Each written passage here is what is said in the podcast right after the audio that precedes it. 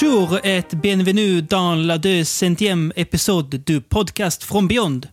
Euh, Aujourd'hui, nous allons nous concentrer sur le cinéma français. Euh, que penses-tu du cinéma français, Ricard? Eh, ke, det uppfattar jag att det var någon fråga du ställde mig. Eh, Que penses-tu du cinéma français, Ricard? Eh, gillar du fransk film, Rickard? Var det där du frågade? Typ så. Vad är dina tankar kring fransk film? Ah, Okej, ja, då var jag inte Ja. helt ute och cykla. Nej, det var du verkligen inte. Men, men det har jag aldrig tänkt på, för, du- för det lät som du sa ke. Alltså som Ja, men på, det är okej. Som på spanska alltså. Ja, det måste vara samma. Det är väl vad eller någonting sånt, antar jag. Någon Stavas på samma sätt också. Japp. QUE. B- bara spontan fråga. Mm. vad, är, skillnaden på ke och porche? Är det inte perke till och med? Perke? Är det så? Jag ska kolla. Det är Språkpodden här. Fred Ja. Fredrik Lindström har tagit över från Beyond. Ja. Perke, är det varför det är det? Ja, det är det. Okej, då, då förstår jag. Mm. Jo, porke finns också. Det är därför att. Och Ja, men det var det jag tyckte att det fanns. Fast Mm. ke, ska vi se, ke frågetecken. Den där betyder det på spanska. Enligt Google Translate ska sägas. Det kan Ja, ju... men, ja, men det kan ju betyda kanske flera grejer Ja, också beroende precis. på vilken vara- grammatisk... Eh, Exakt vilka ord man använder den i samband med. är det ke, eh, Manuel i Pang i bygget ofta säger? Ja, det är det väl, tror jag. Okay, okay, okay, okay. Så det att eh, John Cleese och hans dotter ska spela in lite nya avsnitt av Pangebygget. Va? Ja. Nej, det, det, tyvärr så kommer det väl inte bli bra, fast man Nej. hoppas ju bara, för jag älskar ju Ja. Pang i bygget. Så, Det är väl, eh, vad var det han, det var ju väldigt fyndigt döpt, hans eh, ståuppshow han körde för några år sedan. Eh, Paying for my eh, divorce och sånt där hette, hette den ju. Hans eh, ståuppturné han körde. då. Eller, eller typ så här, The Alimony Tour eller någonting. Ja, eller, något sånt där. Precis. han var väl eh, dålig på att skriva äktenskapsförord, så det blev dyrt att skilja sig. Så då var det bara att ge sig ut på turné. Jävlar vad koll jag har. The Alimony Tour het, hette den. Ja, det var till och med så. Ja. Ja. Mm. Ja, det, är, det är kul. Eh, det kanske fortfarande är lite alimony betalar därför han gör Pangebygget. Man kan tänka sig att han kan fakturera ganska saftigt för sådana nya avsnitt. Du, det tror jag verkligen. This Basil's wife. This Basil. This smack on head. På tal, nu kom vi in på honom, Terry Gilliam jobbar ju på sitt hörn. Ja. Michael Palin har väl gjort lite sen naturgrejer, eller? Ja, eller mycket- typ res, mycket- re, reseprogram, just det. Så är det. Re, reseprogram. Jag, jag, jag har sett något sånt här gammalt med honom för Mm. jättemånga år sedan, där han var i eh, Transylvanien. Det är bra. Ja. Vad, vad gör de andra som lever? Vilka, vilka, är det bara de, de, de tre som lever kanske? Och eh, Terry Jones lever väl fortfarande? Eh, Ja, nej. Terry Jones är död. Han dog 2020. Ja, okej. Och Eric Idle och Graham Chapman är döda, va? Eric Idle lever väl? Är, han, han är ju verkligen så lever den, Ja, men lever den eh, jäveln. eh, Eric Idle lever. Ja, han lever. eh, 79 år. Precis, men jag har ingen aning vad Eric Idle gör nu för tiden. Nej, det har nog Eh, väldigt men- få koll på. Men Graham han dog väl på 80-talet redan? Va? Ja, gjorde han. Det var väl då John Cleese höll ett eh, tal där han svor eh, på under eh, hans begravning, tror jag. Ja. Eh, som blev alltså, ändå uppskattat för att det var väl typiskt Monty Python att göra det. Ja, 89 dog en Graham Chapman, så ganska Mm. 48 år bara. Men vi ska inte prata så mycket Monty Python ehm, idag. Nej, tror jag inte, i inte alls egentligen. Va? Nej, jag tror inte det. Eh, vi ska, vi, det är ju vårt eh, 200 avsnitt ska sägas. Det sa jag också i den där franska inledningen där. Ehm, Jaha, okej. Mm. Det, det uppfattar jag inte kan jag säga. Nej, det förstår jag. Eh, det hade inte jag heller gjort om du hade överraskat mig med franska. Eh, och Då kommer jag tänka, yes, nu, nu blir det kalas här i From Beyond. Nu slår de på stort igen. Eh, det hade vi kanske kunnat gjort. Eh, Men dels är det väl lite att vi precis hade årsbästa avsnittet som ju är om något vi slår på stort. Eh, att, Det, det blev faktiskt inte riktigt fem timmar när jag klippte ner det. Utan Nej. det blev typ 4.50 kanske. Någonting. Det var li, Ja. li, lite strax under fem timmar. Då vet vi vad vi siktar på nästa år. Nä, nästa år kommer det gå över till 300 minutersstrecket. Ehm, nej, men det, det, det blir ju långt mastigt. Eh, så Ja. vi, vi, så här, tänk lite när vi ett tag, så här, hur ska vi då göra med 200-avsnittet? För Mm. Man kanske ändå vill göra någonting eh, av det. Eh, jag vet inte, det blir, på något sätt blir det någonting. Eh, men för många kanske bara blir ännu ett avsnitt i mängden. Men vi ska, ju, vi ska ju prata fransk film. Eh, vi ska ju rikta in oss på en specifik fransk regissör. Och nu tror jag att många eh, vet vart vi är på väg. Det har man säkert sett i avsnittsbeskrivningen när man lyssnar på det här. Men om man Ja, inte har precis. sett det så kanske man anar. De gissar nog att det inte är Jean-Luc Godard eller någon av de, eh, Nej. här... Alltså, Eller han eh, Quentin Dupieux, han eh, lu- lu- luriga killen som håller på ja. nu. Nej, jag, jag, jag tänkte Nej. att de tror nog inte att någon, någon av de där eh, franska nya vågen-regissörerna. Fast Nej. jag kommer ha en liten eh, koppling till Jean-Luc Godard under avsnittets gång. Kommer jag ha. Mm. Nej, Eh, mannen vi eh, ska prata om, han var väl aktiv. Han började ju inte riktigt samma veva som dem, men inte jättelångt efter. Han är säkert någorlunda jämnårig med de där nya vågen-gubbarna. Mm. Eh, men eh, ja, vi kommer li- in på det sen. Lite yngre skulle jag tro. Men, Ja, eh, kanske lite yngre. Ja, några år. Men ändå liksom samma typ generation där. Eh, Ja, åtminstone mm. franska filmskapare. Men det är ju, och det är ju, kan man ju tycka så här, 200 avsnitt in eh, med allt vi har pratat om, att vi inte har... Jag tror vi har pratat om en film av den här regissören eh, mhm. under alla avsnitt och det är ju Zombie Lake. För länge sedan. Ja. ja, just det. Mm. Eh, det var nog... Ja, det är länge sedan vi pratade om Zombie Lake. Mm. Eh, och det är ju Jean Rollin, eller hur man nu ska uttala det. Eh, jag ber om ursäkt för min franska, jag gör mitt bästa. Ja, men vi väljer att Ehm, kalla honom för Eller, eller som ja. han egentligen hette. Jean-Michel Rollin Roff Le Gentil. Jobbigt att säga det varje gång. Då skulle det här av, avsnittet bli fem, fem timmar långt. Ja. Varav 50 procent är att säga hans namn. Nej då. Ehm, mm. Nej, men så vi har, och det, det är ju ett eh, avsnitt att göra det också, för han var ju under en period i alla fall relativt produktiv. Eh, och hur ska man då välja ut filmer från hans filmografi? Ja, vi plockar bara en handfull och så kör vi så ser vi lite vart, vart vi hamnar. precis. Vill du höra lite om Rollin innan vi börjar prata om hans filmer? eller? Mm. Ehm, 1938 eh, föddes han i Mm. Frankrike, då, i staden Neuilly-sur-Seine. Eh, sen så avled han eh, 72 år gammal, alltså 2010, i Paris. Eh, Mm. Just han. Då var han med, föddes precis innan kriget då. Eh, Ja, Mm. pre- precis.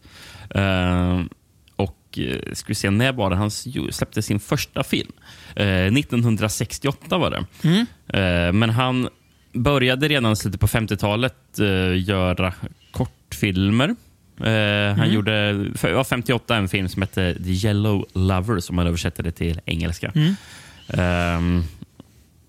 Men är det alltså annan- sex, se- 68 som är hans första? För jag, jag, jag var tvungen att gå in och kolla det och jag tyckte också, ja men det där är hans första. För han har ju någon film från 63 Ja, men det är hans som första är, lång, långfilm. Eh, Ja, för 1 och eh. 10 kanske är att man knappt räknar det som långfilm. Det kanske är något annat. Mm. För det finns någon från 63, men det, ja, det är 11 pers som har sett den också på IMDB, så den ja. kanske knappt räknas. Men ja, precis. Han, eh, hans riktiga karriär tar ju fart 68. P- Precis. Ehm, Jag, jag har lite koll, dålig koll på just den där du nämner, men eh, det står att han gjorde en eh, eh, dokumentär 64 gjorde han som heter Vivre en Espagne om eh, eh, livet, i, livet i Spanien, eller? Generalissimo eh, Francisco. Franco. Eh, och, och, han filmar ju den eh, där, men han, han fick ju riskera en del att göra för han blev ju jagad av polis och eh, kom ju knappt tillbaka Just till det. Frankrike efter han hade filmat den. Här snackar vi obskyrt. No rating på IMDB. Ja. Ingen som har sett den. Precis. Mm. Men, men, men jag fattade som att hans första riktiga eh, här film var Mm. Yes. eh, eh, The Rape of the Vampire, om man översätter den rakt av. Mm. Det är en Eh, jäkla 68. titel det också. Ja, precis. Eh, och kan under eh, sin livstid... eh, För jag väljer att dela in det här i två segment, skulle jag säga. Mm.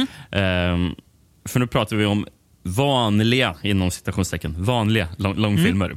Mm. Eh, så har han eh, regis, eh, regisserat 21 stycken. Mm. Eh, och det är om man räknar med Zombie Lake, så har han gjort Mm. eh, 21 filmer. För han själv räknade inte med Zombie Lake. Nej, det kan jag nästan förstå. Det var väl en film han, Han- fick eh, ta över. Han, han, han eh, strök ju den från sin egen filmografi. Mm. Eh, han, han hade ju blivit kontaktad av Eurosoné. Hade han blivit. Mm. Mm. Eh, för Eurosoné var väl ett franskt bolag, eller? Mm. Som eh, Jess Franco eh, jobbade mycket med. Men, Yes. eh, men eh, Eurosoné eh, frågade Roland för att Franco hade väl hoppat av för att han hade bråkat med Jerusalem om budgeten. Om jag fattar rätt så är det något sånt, ja, att han eh, lämnade filmen.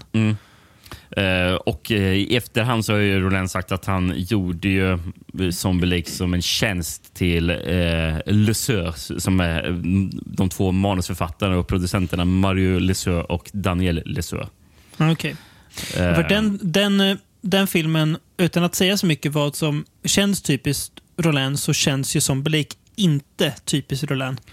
nej, nej. ehm, Inte eh, jämfört med någon av de sex filmerna vi sett i det här Nej. avsnittet. Så man kan ju fatta att han kände att det här är ju inte riktigt jag. Eh, det blev väl... kä- känns ju inte som ett passion project riktigt för honom att gå in och ta över, utan snällt av honom att göra filmen överhuvudtaget så att den blev av. Ja, precis. Och han har ju sagt att eh, eh, hade han på förhand insett hur dåligt manuset var så hade han, hade han aldrig gått med på att göra det. Nej.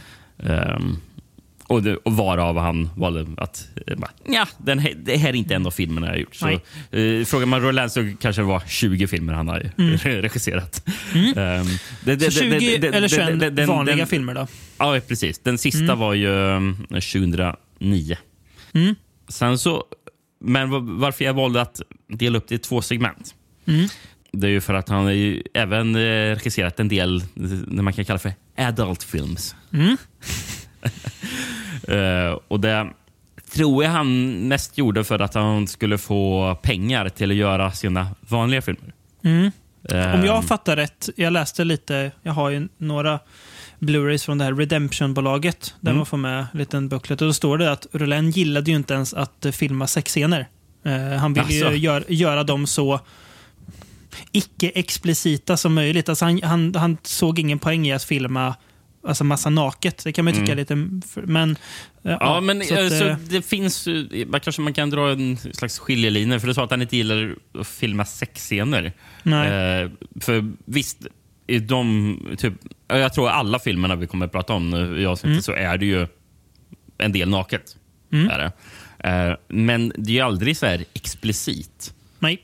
på, på, på det här sättet. Utan, eh, alltså, det är ju mer... Han har... Alltså, vi kommer in på det, men det, det, det är ju... eh, Hans filmer är snarare erotiska. alltså, Ja, alltså, man, alltså, alltså, på, ett sätt som nästan är till för att bygga atmosfären. Alltså, det tillhör filmens Ja, atmosfär. med. Eh, och men, men, men det är inte samma sätt, på samma sätt som att den pornografi han filmade vid sidan av.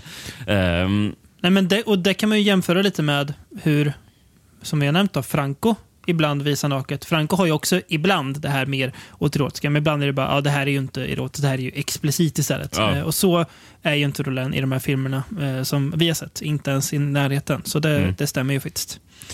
Precis, men eh, av den typen av film så gjorde han nu ska vi se, 28 stycken. Han, eh, eller han regisserade 23 av dem, men han var inblandad i 28 stycken. Mm. Står det. Och eh, ja, där använde han ju två stycken pseudonymer också, väldigt flitigt. Eh, Den, den första, eh, jag sa ju att han hette Jean-Michel Rollin Roff Le Gentil. Och hans ena pseudonym var ju Michel Gentil. Just det. Eh, och hans andra pseudonym var ju René Xavier. Eller Xavier. Det är bra Re- namn. René Xavier. René Xavier. Eh, men den bästa pseudonymen han dock använt, det är ju den han hade för Zombie Lake. Minns Mm. du den? Är det den som är J.A. Laser? Ja, Ja. det är, det är ju faktiskt en fantastisk pseudonym. Eller ska man säga J.A. Laser? Lasse. Precis, ja, det kanske är så. Men vi, vi föredrar ju Laser. J.A. Laser. Ja, ja den, är, den är roligare. Eh, Den är bra. Man kan fatta att han gjorde den under pseudonym. Men Ja. eh, du, du nämnde att du hade lite Blu-rays från eh, Redemption. Mm. För det, det är rätt så intressant. eh, för när man försökt kolla upp, eh, eller där det står mm, okej, när, hur, hur släpptes filmerna? eh, och så, Mm. och så, på VHS och sånt. Mm. Tänkte man i efterhand. Och Mm. det är ju Redemption som typ var med hela vägen. Japp. Det var ju Sen- lite de som... Sen eh, slutet på 80-talet var till och med. eh, Ja, och precis. hans VHS. För grejen Exakt. att de, de, trots att han är typ den mest kända eh, regissören från Frankrike, när vi pratade Mm. skräck, eh, så var han ju aldrig omtyckt, vä- värst omtyckt i Frankrike. Nej, han var Eh, han- inte, inte profet i sitt eget hemland så att säga. Nej, nej, precis. Den här första som jag nämnde, Rape of the Vampire från Mm. 68, eh, det blev, det blev ju skandal. Eh, Mm. jag tyckte det stod att det var upplopp till och med.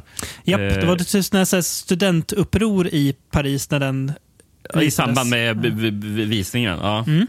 Eh, Så det gick inte och hem. han, och han, han blev ju hotad och sånt där. Så han, Mm. eh, ja, han, till en början så bestämde han sig för att okej, nu lämnar jag och göra film till och med. Mm. Men grejen med Roland var väl lite att, om jag fattar rätt det jag läste, eh, jag, vi pratade ju om med Truffaut och eh, Godard och de där. De var ju någon slags så här, eh, de kom ju den här vågen om neorealism och, och liksom sånt. Och Roland är ju allt han är ju noll realism egentligen i sina filmer. Eh, det är ju han ja, inte intresserad av. nu, får vi Ja. sätta en bromskloss här. Kanske inte Godard, men, men, eh, men eh, att, att kanske inte just Godard, men att, att, att det var liksom en våg av det som gick lite i... Att det var för- det bi, bi, biopubliken ville ha, typ. Ja, fast jag, jag skulle inte jämföra franska nya vågen med neorealism. Eller, eller, eller där de franska regissörerna håller på med, för det är ju väldigt... väldigt Nej, men eh, nej, okej, kanske, inte, kanske inte de, men... eh, Eller, de, eller, eller så här, de ville inte ha eh, det övernaturliga. Det var de, alltså, ja. de var inte, in, in, in, inte intresserade av det. Och det är ju, det är ju egentligen bara det Nej, inte bara, men väldigt mycket där Roland eh, rör sig kring. Det är ju, Mm. räcker med att titta på hans filmer så innehåller ju väldigt många filmer titeln något med Vampire till exempel. Så man ser ju Mm. vad han eh, i mångt och mycket var intresserad av att Mm. göra. Så han blev väl inte värst populär. Och det var väl lite tack vare Redemption och de som upptäckte som han fick en, eh, man säga, eh, att folk som samlade film Mm. på den tiden då VHS började upptäcka honom. Eh, och sen, eh, tyvärr, de, de skriver också med bookletsen att tyvärr så eh, han ju aldrig filmerna ge på Blu-ray innan Roland dog. Så han fick ju aldrig liksom se det själv eh, i så fin kvalitet. Nej, Eh, nej. han- dog ju innan, jag tror han började dem 2012. Det är, ju, det är ju länge sedan nu för oss, men... ehm, mm. Men han fick i alla fall lite, det är ju för glad att han fick eh, veta att han var uppskattad innan han dog i alla fall. Ja, Eh, men precis. Ja, men det, det jag ville komma till var ju att Redemption, alltså vad mycket de har varit... Mm. Alltså vilken betydelse de har haft för Jean Japp. Rollin. eh, Verkligen. Hans, så, att hans filmografi... Liksom. Och de är väl britter va? bredare. Eller? Tror jag. Ja, eh, det tror jag med att de är. Mm. Men in, in, in, intressant med, med tanke på Englands eh, censurhistorik. Att det Ja. är just br- britter som går. Nu är inte de så jättevåldsamma, men... Men, men. Men Ja, ska vi eh, gå till eh, avsnittets första film? Och det blir alltså då hans... Andra eh, långfilm. Om vi går enligt den här officiella filmografin jag såg. Nej, den tredje. tredje va? Ja, ja, tredje. ja. ja just det. Mm, Eh, ja, för, tredje. först var det The Rape of the Vampire, sen var det The Nude Vampire från 70. Just det. Och sen är det då Shiver of the Vampires från Ja, eh, precis. 1971. Precis, hans tredje långfilm då. Ja, eh, vad har du hittat på den här då? Ja, jag har hittat ett par alternativa engelska titlar på den. Mm. Eh, Det gavs ut under ett par olika namn. Eh, Sex and Vampires. Ehm, Ja, eh, Strange Things Happen at Night. Den är bra. det är en, det är en bra titel. Mm. Eh, sen har vi Terror of the Vampires. Mm. Vi har den så kallade Thrill of the Vampire. Mm. Och eh, sist, Vampire Thrills. Det var lite Ja, märkligare. än Då är ju Strange Things Happen at Night och Shiver of the Vampires bästa titlarna. Det Mm. Jag gillar det just att, att, den, att Shiver, det är, väl- det är något snyggt i det, att den heter så istället för bara... Alltså Terror och, och, och, och The Vampires låter mycket mer generiskt, medan Mm. Shiver of the Vampires låter lite mer som det Roland faktiskt är ute efter. Eh, Ja, någonstans. precis. Jag hittade faktiskt en fransk VHS på den här. Mm. Otroligt nog dock. Eh, eh, Till en början så trodde jag att ja, det får bli typ Redemption VHS Mm. och DVD på allting. Men eh, efter lite grävande så hittade jag eh, på andra språk, vilket är Mm. lite roligare. Eh, men, och jag, jag tror bo- bolaget heter Film Office. Eller Film Mm. Office. eh, men de verkar ha gett ut en del Roland-film eh, på VHS. På en smekmånadstur Isse och Antoine går in i ett olyckligt slott där konstiga rykten cirkulerar. Trots de många varningarna kommer männen in i vargens mun. Under hypnos kastas in i, i djupet av en grym religion. Mm. Eh, den kändes lite luddig kanske. Så jag, jag, jag tror du får fylla i med vad filmen men- handlar om. Det är ju ett nygift par som mycket riktigt är ute på bröllopsresa och då ska de åka till, eh, om jag fattar brudens kusiners slott. Alltså hennes typ släkts slott. Ja. Som hon inte har varit i på jättelänge. Eh, det, är ju lite så här typiskt Ro- Roland-märkligt att det känns typ inte som att någon riktigt är beredd på att de ska dit utan de, de, de åker dit för att det är ju hennes släktslott. Så det är väl inga, inga Ja. problem. Nej, nej.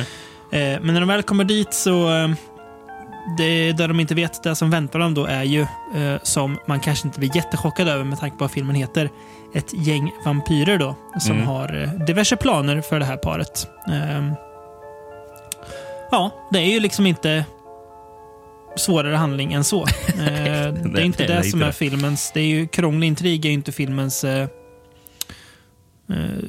tydligaste Mm. ståndpunkt, man ska säga.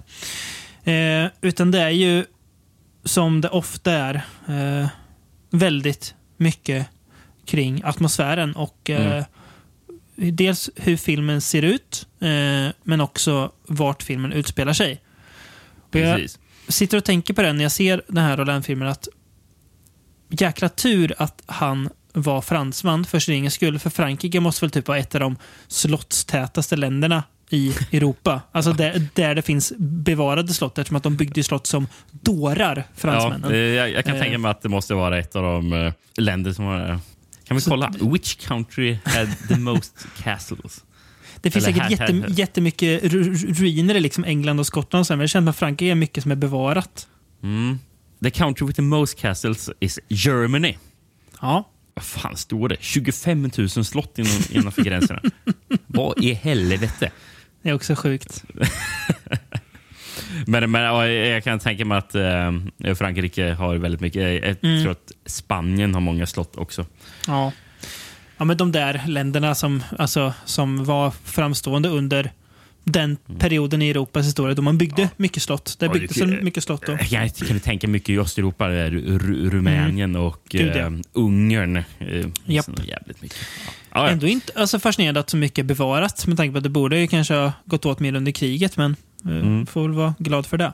Men hur som helst, eh, i alla fall. Eh, det är ju väldigt snyggt eh, i den här filmen. Mm. Och eh, jag tycker man fort kommer in i den här, ska vi kalla den för Roland-atmosfären eh, i brist på bättre ord. Eh, för det är ju ändå något som jag tycker ja, men, eh, känns som ett så här auteurdrag, om man ska säga. Att det här, ja men okej, så här känns hans filmer. Eh, som inte riktigt andra filmer känns som. Därav den här, förut om Zombie Lake, att det här är ju liksom mil ifrån. Eh, Mm. Zombie Lake känns ju mer som en axelryckning till Franco-film än en Roland-film. Eh, det är nästan som att när Roland gjorde Zombie Lake så gjorde han den som om Jess Franco hade gjort den. På något vis. Eh, och det är inte, precis som att det är ingen krånglig handling, är det ju inte mycket dialog heller. Eh, och den dialogen som är, det är nästan mer som att det är, alltså folk pratar väldigt så här storslaget, nästan som poesi ibland. Alltså dialogen är eh, mer skriven som något slags gammalt drama än Mm. och det, det, det kan jag tänka mig en sån grej som kanske inte landar jättebra hos biopubliken då, att folk pratade sådär. Eh, utan folk, de skulle ju prata som folk pratar, kanske man tyckte då. Mm. Ehm, mm. Men eh, det som är lite oväntat för mig med den här filmen tycker jag att Mm. eh, det är ovanligt mycket dialog för att vara en Ro- Roland-film. Ja, det blir ju det. Sen jag sa att det var sparsmakat. Jag, jag skrev det eh, mest i början av filmen. Det, det Mm. kommer ju mer sen, för det kommer ju in två figurer eh, sen som har lite mer eh, dialogisk utläggning. Precis, men det, så, för det är ju mycket, må, många såna scener. De sitter på slottet med de här vampyrerna som Mm. så nästan pratar filosofi och allt möjligt. Och det här, alltså om vi jämför med de kommande fem filmerna i avsnittet så Mm. har ju den här jag tror nog att den här filmen måste ha mest dialog. Eh, Och eh, min bild av Roland har ju alltid varit att det är mest Alltså, my- my- mycket mer fokus på folk som stryker omkring. Och, eh, nej, men alltså, liksom- eh, precis, och det, alltså, den atmosfär. Och, och, men men alltså, att det är ändå väldigt, som, som, som du sa tidigare, sparsmakat. Just det då. Men, men, eh, och det är därför jag blev, blev ehm, överraskad av egentligen hur mycket, my- my- mycket det är, men även hur mycket filmen drivs fram. I- Alltså rent så här plottmässigt. Mm. Eh, på ett Ja, sätt som precis. det kanske inte gör i de andra filmerna. Nej, utan där är det mer saker som händer som driver plotten framåt. Eh, Mm. I den här filmen händer, alltså, händer inte så mycket. Det kanske låter fel att säga, men på, någonstans är det ju så. Men det är en scen, eh, när, en av de här som jag har valt att kalla för kråsskjorteherrarna, som bor i slottet, har en lång utläggning där de bland annat får med eh, gudinnan Isis, eh, jungfru Maria, och så pratar de om någon så här behornad gud också. De säger ju aldrig Satan eller något rakt ut, utan det är bara någon behornad gud de pratar om. Så här, Jaha, eh, och så lite, lite där det sa att de pratar nästan om, om filosofi och så här, teologi. Te- Teologi, ja precis. Ja, precis. Mm. Väldigt lång. Och det är ja, fascinerande. Eh, och det Filmens fördel är väl också att man inte riktigt behöver hänga med i hela utläggningen, utan det är något här som jag tycker han träffar rätt i, att filmen bara suger in en som tittare i den här atmosfären. Eh, att det funkar så himla bra eh, och att det är så snyggt och eh, ganska stillsamt. liksom. Ehm, Men jag, jag gillar hur filmen ser ut. Eh, Mm. gör jag. jag läste det, han, han som har fotat filmen heter Jean-Jacques Renon. Eh, Mm. Han eh, har ju fotat en film som du har sett. Mhm. Eh, Bruno Mattei-filmen Caligula och Messalina. inte en film jag minns för dess vackra foto kan jag säga. Okej, inte fråga, säga. va- va- va- hur- varför minns du filmen? Om du måste svara på det. Jag har för mig att det är en, en scen, om jag minns rätt film nu. Det kan, vara, det kan också vara, vara fel Bruno Mattei-film. Ja, men Eh. jag, jag, jag, jag, tror det är den här filmen. eh, Som Jag vet att du har berättat om det När tidigare det, för mig. när det är en kortväxt man som ivrigt står och hoppar och tittar på när ett par eh, ligger med varandra. Ja. Eh, jag tror att det är den, den filmen. Ehm, Var det där du tänk, tänkte på eller?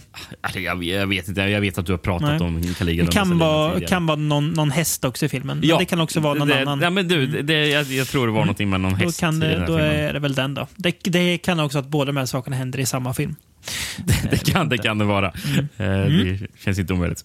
Ehm, men eh, om vi, för, förutom hur filmen ser ut, så hur, hur den låter. Mm.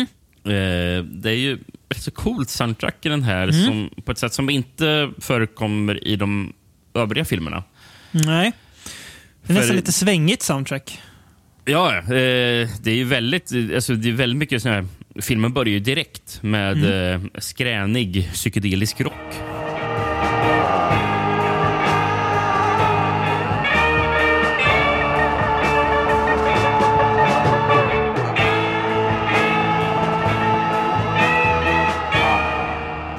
Som också har lite, något lite elakt över sig i liksom eh, Mm. melodi eller atmosfär. Alltså det låter lite så här, jag vet inte. Jag, Ja, jag det, det, alltså, elakt det, på det, bättre. det var väldigt oväntat. Och, bara, Mm. och jag tänkte bara, det här hade jag önskat mer i eh, Francos filmer istället. Mm. Och, och, och mindre Daniel White. Mm. Eh, men men, eh, men eh, jag tycker det passar. eh, Det, Passar det jättebra.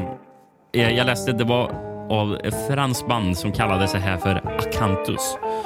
Mm. Den gick även under namnet Unity, hittade jag på Discogs när jag kollade upp dem. Med Mm. två singlar släppta eh, 1970. Eh, Det, var, det var det de gjorde typ eller?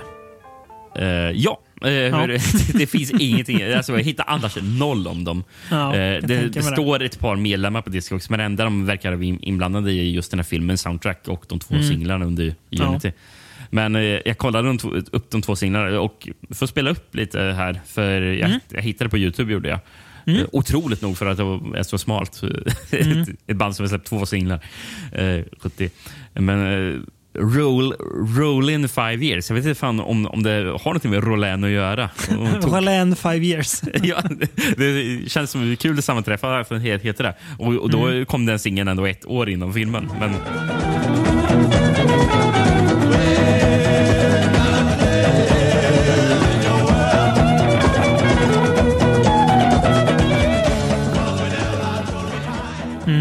Kul.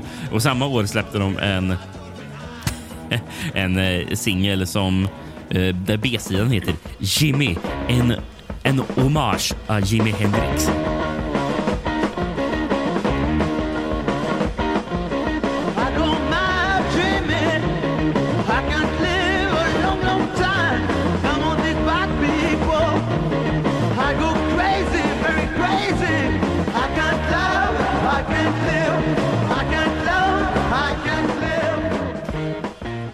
Det är så intressant med så här band som man typ råkar stöta på. Typ så här, samma, som typ bara, bara gjorde någon så här, en eller två singlar, sen bara slutar bara Va, vad gjorde de sen? Ja, precis. Där, också Vad- man, vad- vad gjorde där man liksom känner att det också är så här, det här var ju bra. Så här, varför blev det inte mer?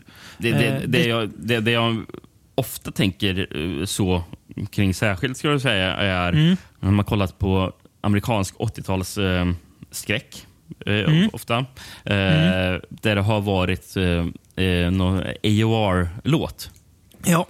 Och, och, och sen kollar man upp bara. Jaha, de här släppte bara den här låten till det här soundtracket. Mm. Men det är ju ändå ett band som spelar. Släppte de ingen annan låt än det här? Nej, precis. Men, men, men, men, ibland är det så. Det är helt bisarrt. Ja, där man ändå hör att det liksom är bra, kompetent hantverk, duktiga musiker. Så varför gjorde de inget mer för? Mm. Eh, det är fascinerande, men ja, de bör väl knega något istället. Tråkigt kanske. Men Ja, vet. det- Ja, nej, men jag håller med. Det- jag- jag soundtracket är också de här väldigt Acanthus, de, Mm. eh, my- mycket av soundtracket är också ren improvisation. Ja. Men- Vilket kanske går i hand i hand med att det är psykedelisk rock. Liksom. Mm. Det är Och kan det är ju, vanligt. det tror jag att du och jag delar att där kan man ju rygga tillbaka lite för. Jaha, ska jag lyssna på något in- improvisationsband nu?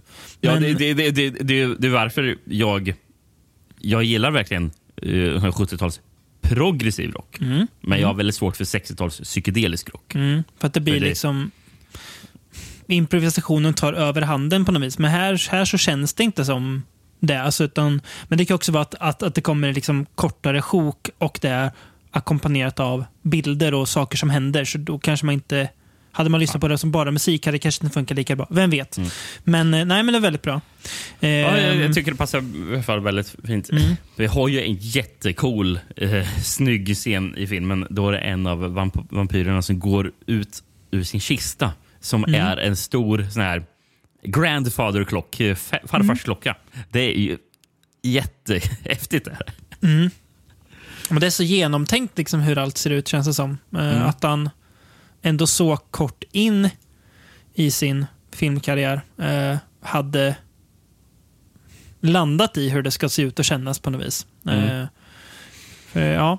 Sen, är det, sen är det ju så att det är ju inte logiskt hela tiden, men det kanske folk fattat. Eh, utan det är ju, man får ju gå på, alltså mer på mage än på hjärna i den här filmen. Eh, att Mm. hur filmen liksom känns och sådär. Eh, men det funkar väldigt bra. Vad tänkte du säga?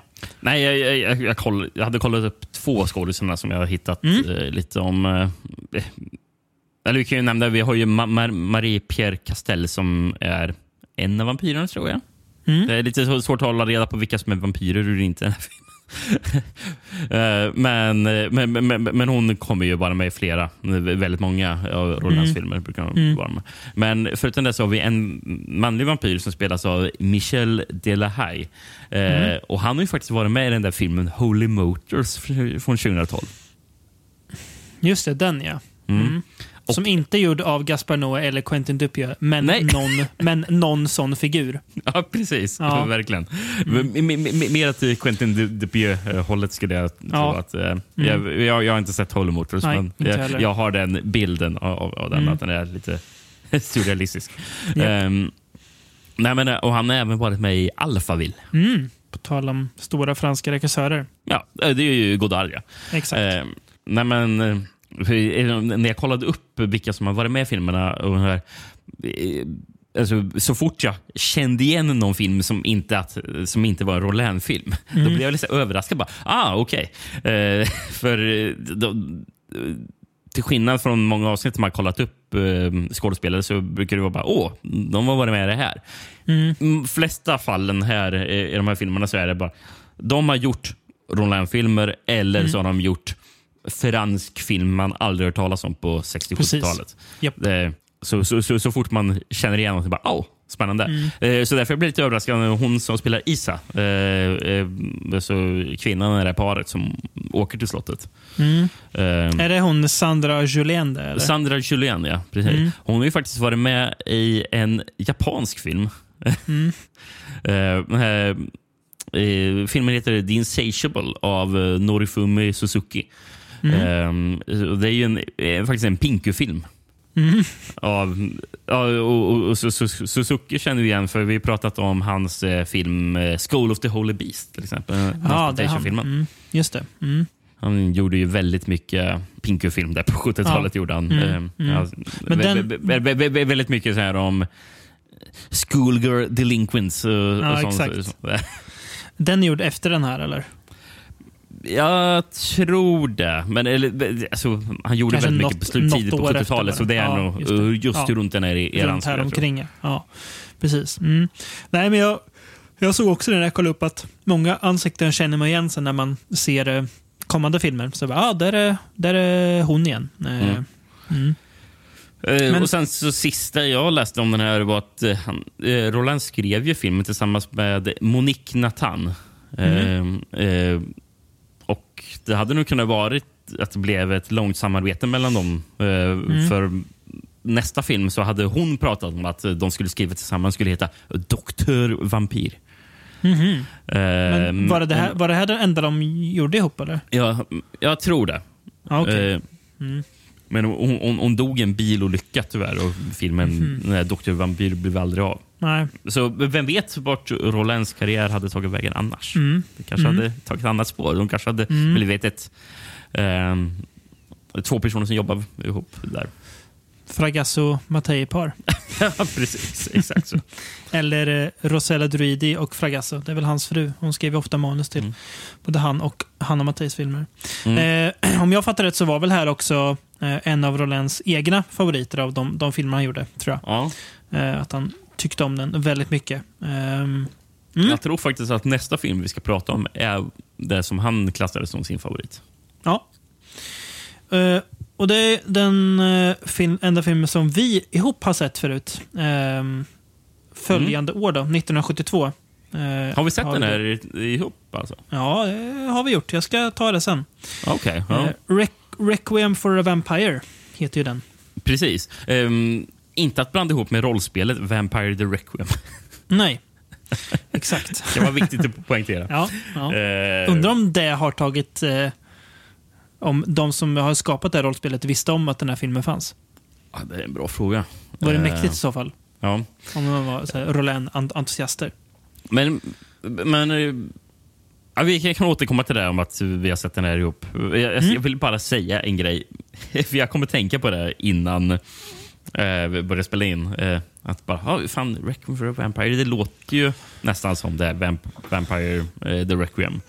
Eh, som är en som är ett rollspel. Då, som, eh, som är en slags uppföljare på Vampire the Masquerade, som är det stora rollspelet där. Som White Wolf, det företaget hade. Men eh, jag blev lite sugen bara. Jag ville bara kolla upp li- lite om Vampire the Masquerade. Bara, vad har det fin- funnits, funnits för spin-offs och sånt där? Och det här, man blir så överraskad varje gång man hittar bara, va? Finns det här? Det, det finns ju faktiskt, på 90-talet kom det en tv-serie på CBS tror jag, som är baserad på Vampire the Masquerade. Det hade jag ingen aning om.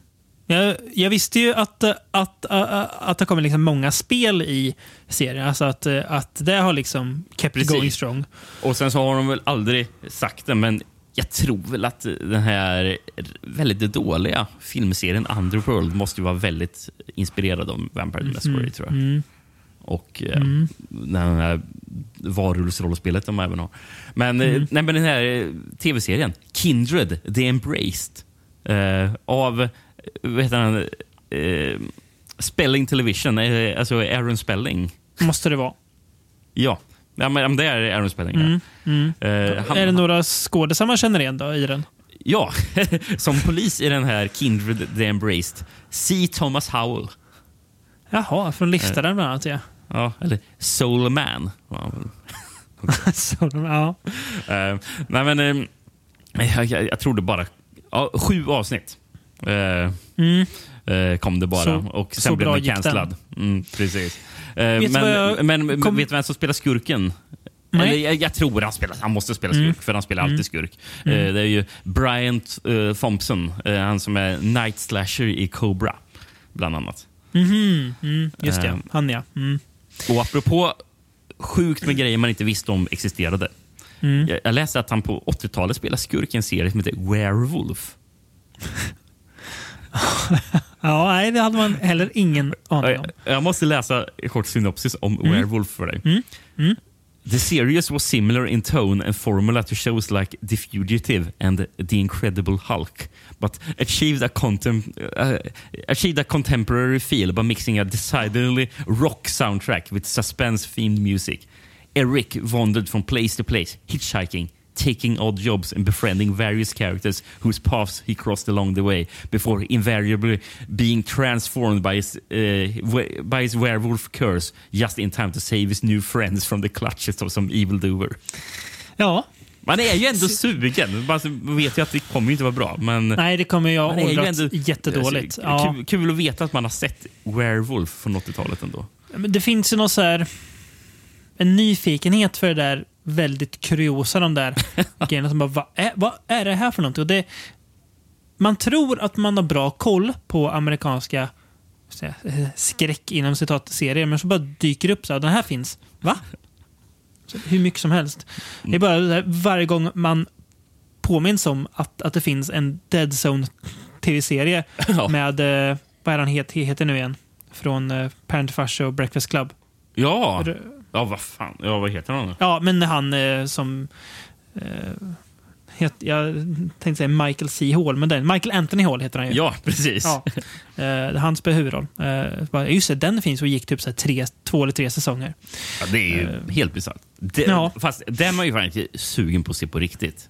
Ja, för den eh, kan, kan vara lite godare. Den är li, lite mer kontemporär ändå. Mm. Eh, känns inte som att den har eh, potential att vara lika dassig som... eh, Det är väldigt svårt att, att, att rota upp tv-serier från 80-talet just. Ja, jag tänker också sä särskilt om de inte har fått något slags nysläpp eller återsläpp. Då kanske det finns en anledning till det också. Eh, Ja, att, men- det, men- att det men- inte finns men kvar någon... Mm, ja, men det, jag, jag, jag, jag tänker just det så här eh, amerikansk eh, CBS och sen, Mm. NBC. Uh, så, så, sådana tv-serier, dramaserier. Det är ju det är en annan typ av tv.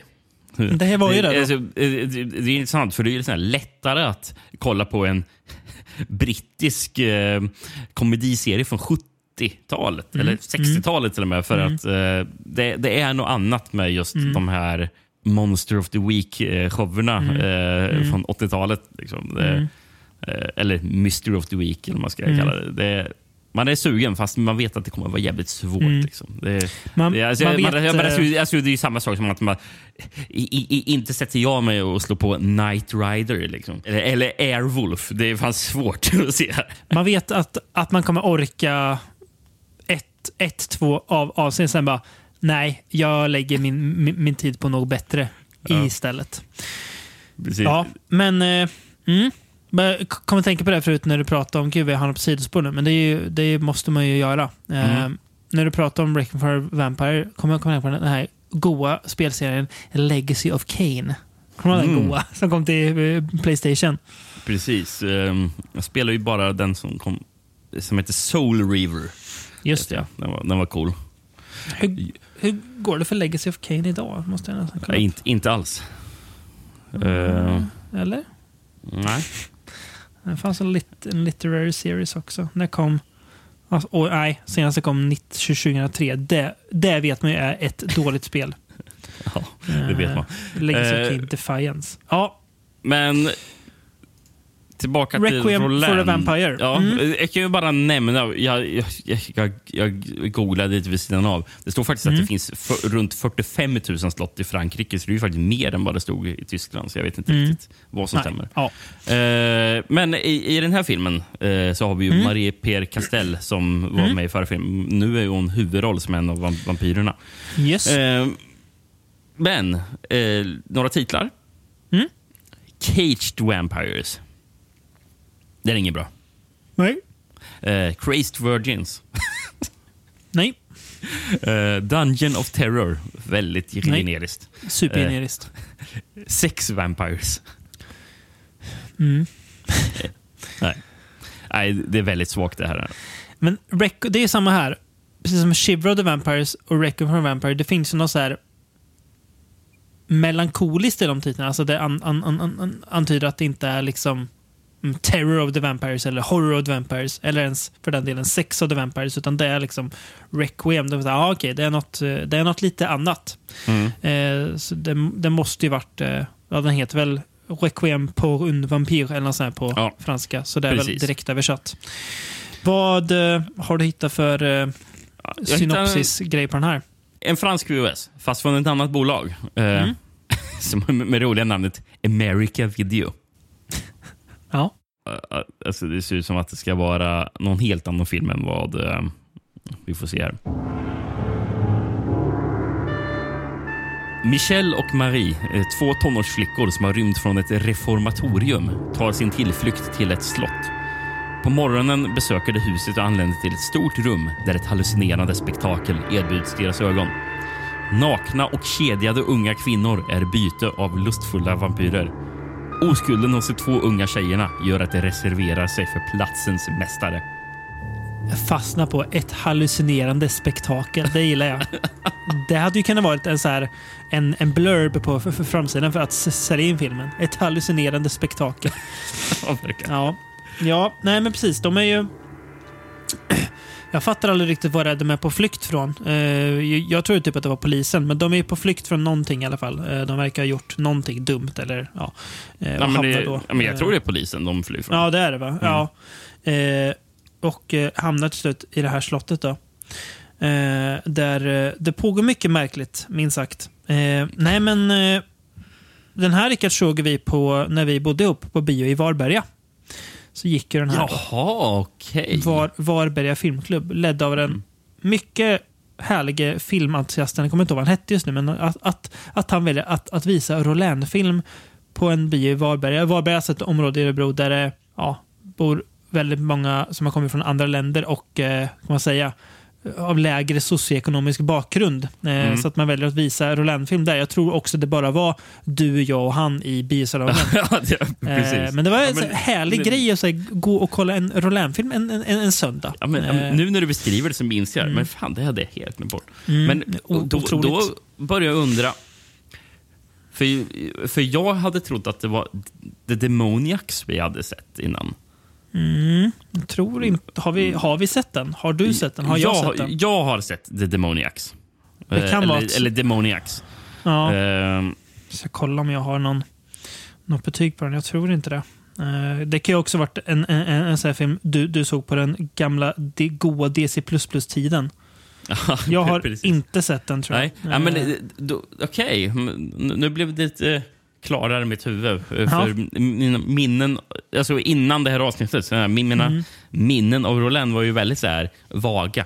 Mm. Eh, så jag hade ju bara en, liksom, en bild av hur, hans, hur jag uppfattade hans filmer Mm. skulle vara.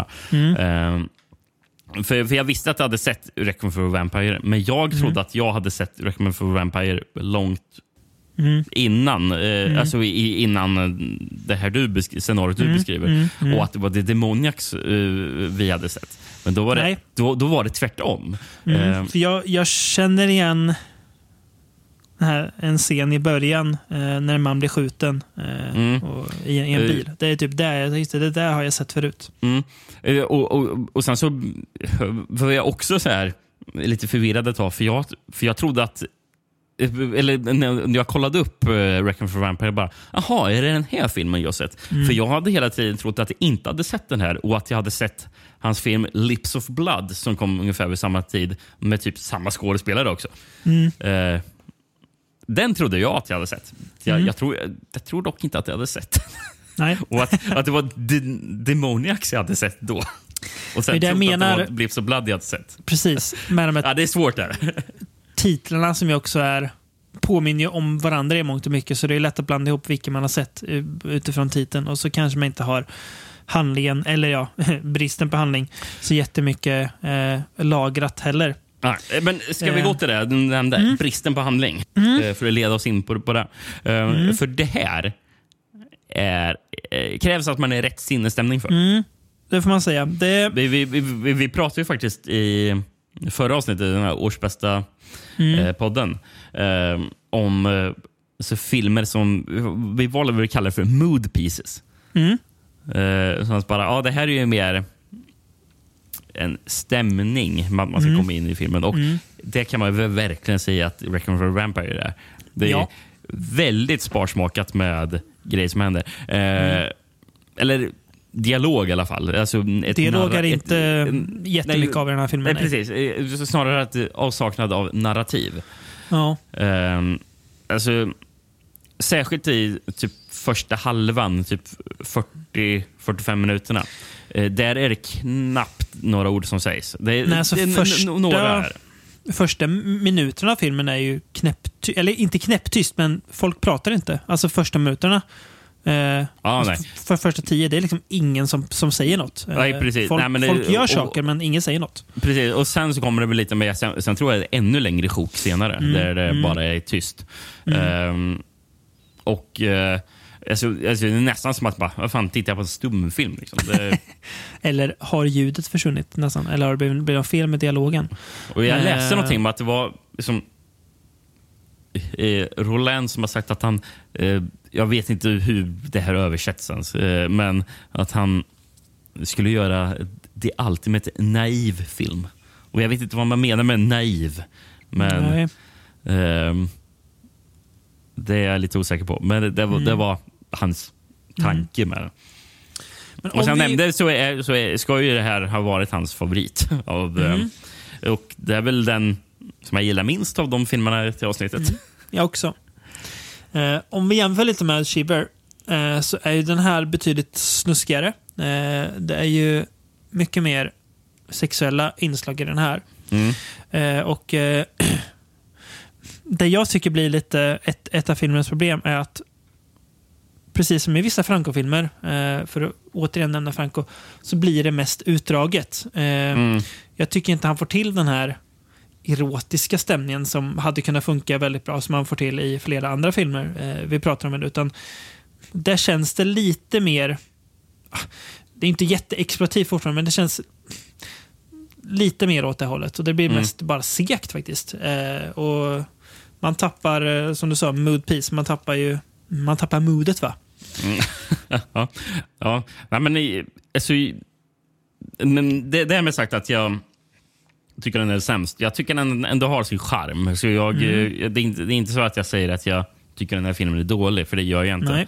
Den har Ehm, något, har den. Eh, mm. Den har ju Eh. fortfarande väldigt mycket... Alltså, det är Snygga miljöer och... Mm, bra soundtrack. Lite proggigare här. Jag- Ja, jag- ja, jag- ja, absolut. Jag skulle säga att det är mer avskalat än förra filmen. För Ja. det har ju inte det här rockbandet. Det har, Nej. några, det har några scener då, eh, där det är lite trummor och det blir lite stökigt. Så Jag har skrivit utsvävande trummor. Har jag skrivit.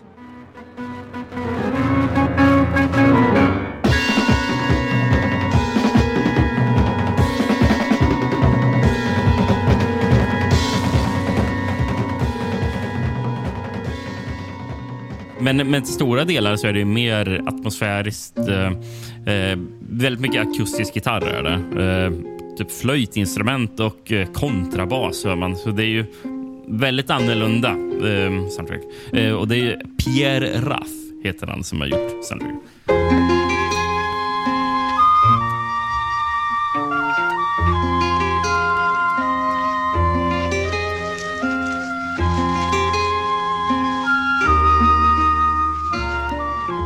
Men sen så fotot så nämnde det eh, Renan Paulet. Eller Paulet. Eh, f- jag läste att han fotade en film som heter What a Flash från 72. Eh, jag ska läsa upp eh, kort vad den handlar om. Eller en beskrivning av den. För det låter så jävla märkligt. Eh, the, producer, eh, the producers of this French film took approximately 100 people put them on a soundstage and had them improvise this film based on the premise that they are, are on a spaceship escaping from the dictators of Earth and, lo- and only have a few days to live. Total improvisation alltså.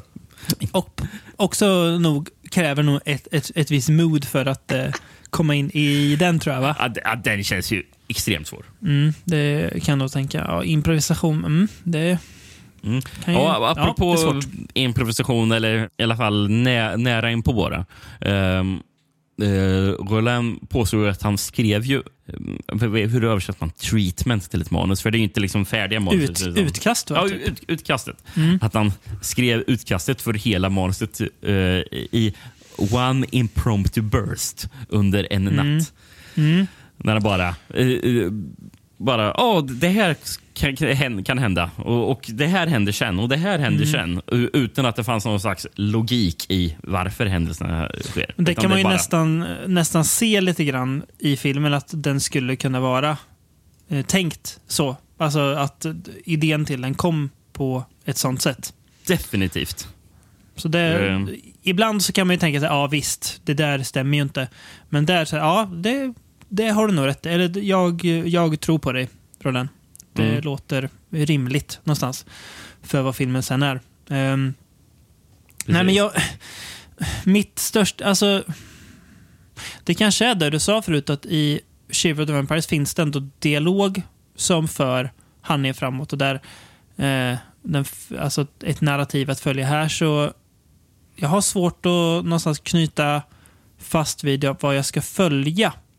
Eh, och det kanske inte är meningen att jag ska ha någon tydlighet att följa heller, utan eh, bara dras in i det. Men jag gör aldrig helt det, utan jag blir lite så här distanserad på något vis. Eh, Ja, ja, och men, då funkar filmen sådär också. Ja, jag håller med om det. Nå någonting som inte fungerar för mig. Vet du? Ja. En väldigt liten Nej. detalj. Ja. Eh, Buttricks-vampyrtänderna. Nej, de...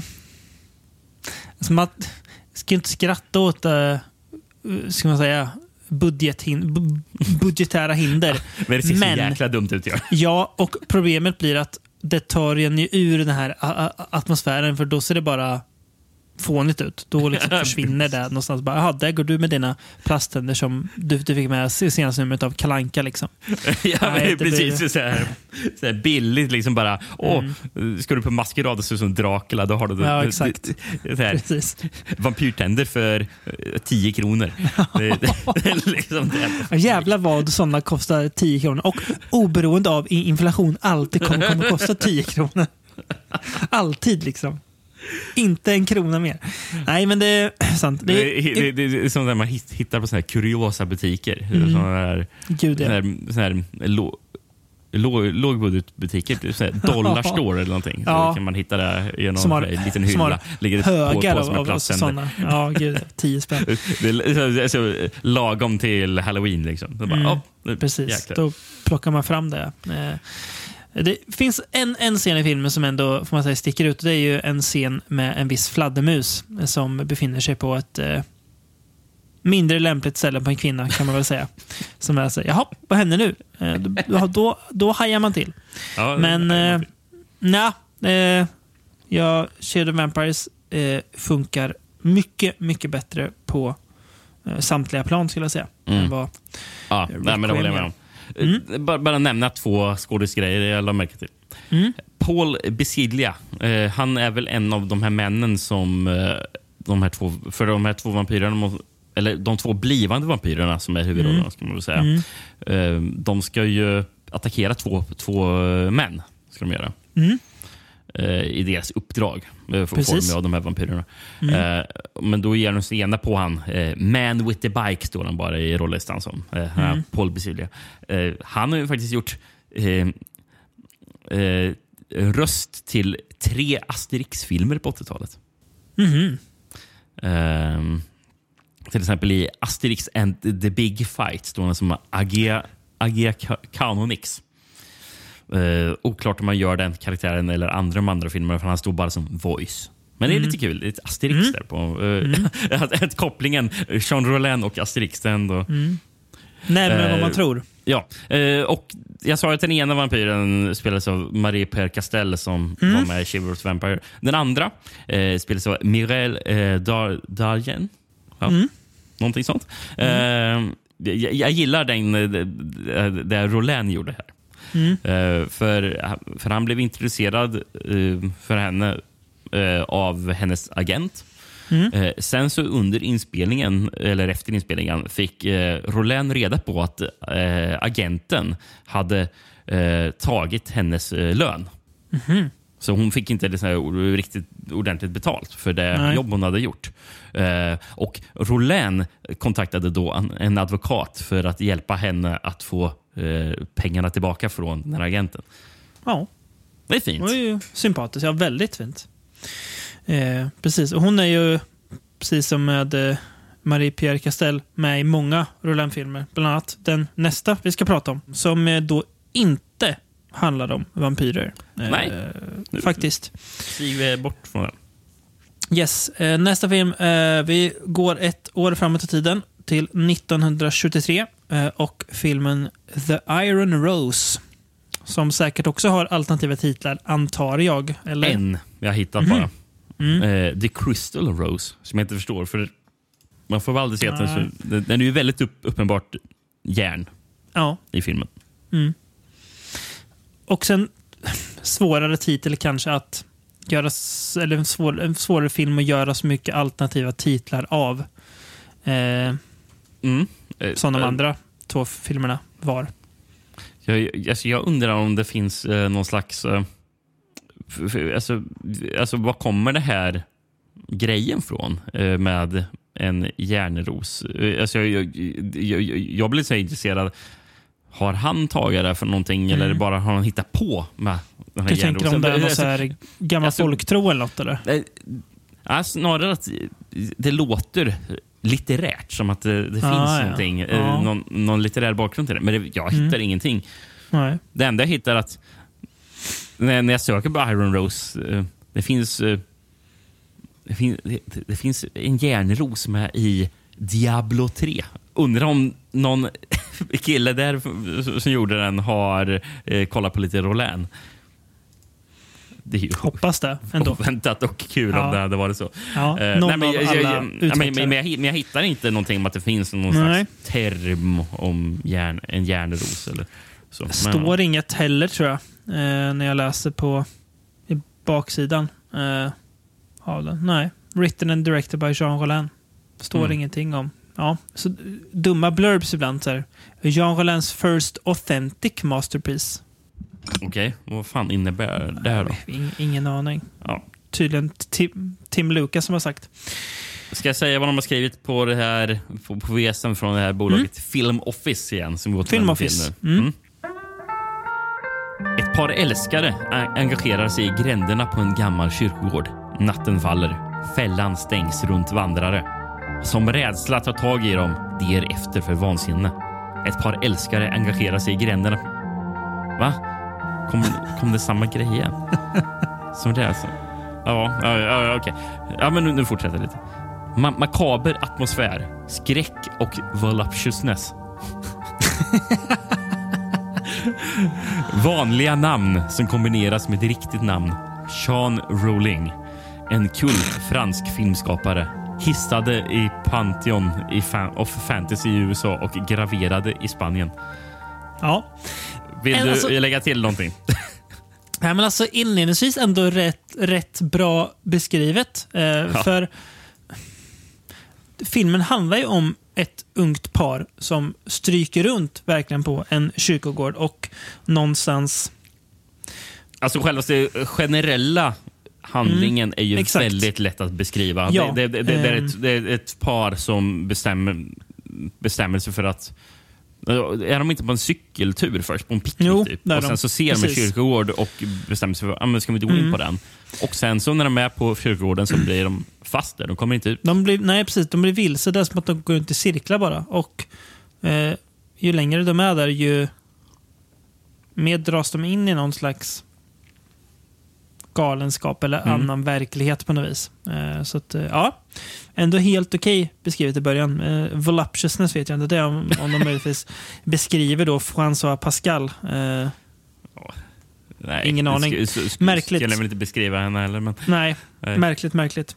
Eh, mm, nej, men det här är ytterligare något lite annat, men eh, om man här, känner igen lite Roland-atmosfären från de två tidigare så finns det ju lite här också. Men eh, här så, istället för att den utspelar sig på ett slott så eh, är det, det här känns ju jag tänkte säga lite mer kontemporär. Det gör den ju inte, för de andra två är ju inte heller eh, tydligt. All, all, alla utspelar sig i någon slags nutid, fast där något gammalt, eh, de stöter på något gammalt så blandas det. Det är ändå ganska intressant med hans filmer, tycker att de verkar utspela sig i tiden de är gjorda, men bara i gamla miljöer. Till skillnad från Hammer-filmer som alltid skulle vara liksom på ja, eh, typ precis. 1800-tal. Eh, Så det är intressant. Eh, Det här är fascinerande film där tycker jag. Eh, väldigt långsam film eh, och väldigt, får man säga, eh, artig. Det är väl kanske om man ska så här, ge folk tips, ja, men börja, bör, bör, bör kolla på lite Jean Rollin så kanske man inte säger börja med The Iron Rose. Definitivt inte. För det... Nej, det är lite svårt Nej. att... eh, Och, och, och det här krävs väl också att man är i rätt plats för att man ska Mm. eh, uppskatta den här, tror jag. Verkligen. Men det är nästan mer ett jag vet inte, sinnestillstånd hela den här filmen än, Ja. eh, än ett det är nä, nästan, nästan ännu mindre narrativ än i eh, Requiem for a Vampire. Mm. Men, men, jag, nej, eh, men i det här fallet så fungerar det till filmens... eh, alltså jobbar det mer i filmens fördel. Mm. Eh, att, att jag, Det tycker jag. Jag, jag, jag tycker att den här kyrkogården, de, de går runt på med alla så här, eh, det är väldigt mycket löv överallt. Det känns som att är så här, eh, höstdag de är där och hur de går runt och prasslar i den och att det, det, typ, det, det är knappt någon på kyrkogården och de få de stöter på det är så här, ganska märkliga figurer som så här, det borde inte vara där. Eh, ja, hon, men eh, precis. Hon- Mirel Dargent dyker väl upp. Hon är väl som någon sån här, typ En clown. mimare. Ja, en clown, just det. Ja. Mm. Så, ja, varför är en clown på kyrkogården? Det är så här jättemärkligt. Mm. Eh, och jag, och sen så använder den inte lite sådär flashbacks och flashforwards. Så här tid och sånt är också Japp. lite så här... precis, alltså- det, tiden är lite flytande på något vis i den, den Mm. här filmen. Och det, och det kanske är kyrkogården som gör det. Ja, det, det exakt. är också, så kyrkogården är som en egen karaktär i Mm. filmen. Precis. Eh, Och jag tycker att eh, jag säger första två tredjedelarna av filmen så känner jag så här, någonstans så här, nu måste någonting, det måste, det måste ändå steppa upp lite känner jag. Alltså så här, jag, jag, jag tycker det är så här väldigt någonstans intressant atmosfär och sådär. Men det är först mot slut som jag tycker filmen lyfter sig lite snäpp när Mm. den blir går ännu mer in i hennes huvud och eh, hennes långa monolog och allt som händer där kring Ja, börjar hända. ja. Då, då tycker jag filmen lyfter och blir eh, väldigt fascinerande. Den är ju väldigt drömsk hela filmen. Det är ju som att så här, ja, vi vet inte riktigt om någonting av det här egentligen händer och här, varför de gör saker. Det finns ingen logik så. Men det känns som att Roland bara så här den måste ha varit Mm. ganska svårsåld den här filmen tror jag. Eh, Ja, det, den här, eh, jag, jag tror den inte alls gick bra. Nej, Eh, det- eh, Svårt Men- att sälja in. Intressant nog, det, det, det förekommer ju faktiskt en järnros i filmen också. Mm. Alltså rent fysiskt. Så, så, så det är inte Japp. bara rent på något sätt allegoriskt med titeln. Utan, och sen vet jag inte vad, vad den ska symbolisera i filmen. Nej, dock. ingen aning förstår jag heller. Eh, men de hittar väl på en, på en strand i början på filmen. Ja, Va? Ser man den här. Den och typ sen får man flyter se, väl i land, den här järnrosen. Precis, och sen får man ju se den när en person ligger i en kista och hon sätter i den här järnrosen så att Mm. det blir, kistan det blir typ låst. Så det går inte att öppna Mm. den på grund av järnrosen som är i vägen. Exakt. Mm, Så, nej, det, Det, ja, det är en snygg nej. symbol som jag inte begriper. Nej, precis. så, så, så kan man väl säga om det. Man, Eh. men, och till, till filmens fördel så känner jag här att jag behöver inte begripa det. Utan det, det, liksom, det funkar ändå. Jag, jag är fine med att det händer. Det här så liksom man är mer in i det här ödsliga, eh, ja, den känslan som filmen har. Eh, och soundtracket till den eh, är ju också mycket mer kargt och spöklikt än Yes. de, de tidigare.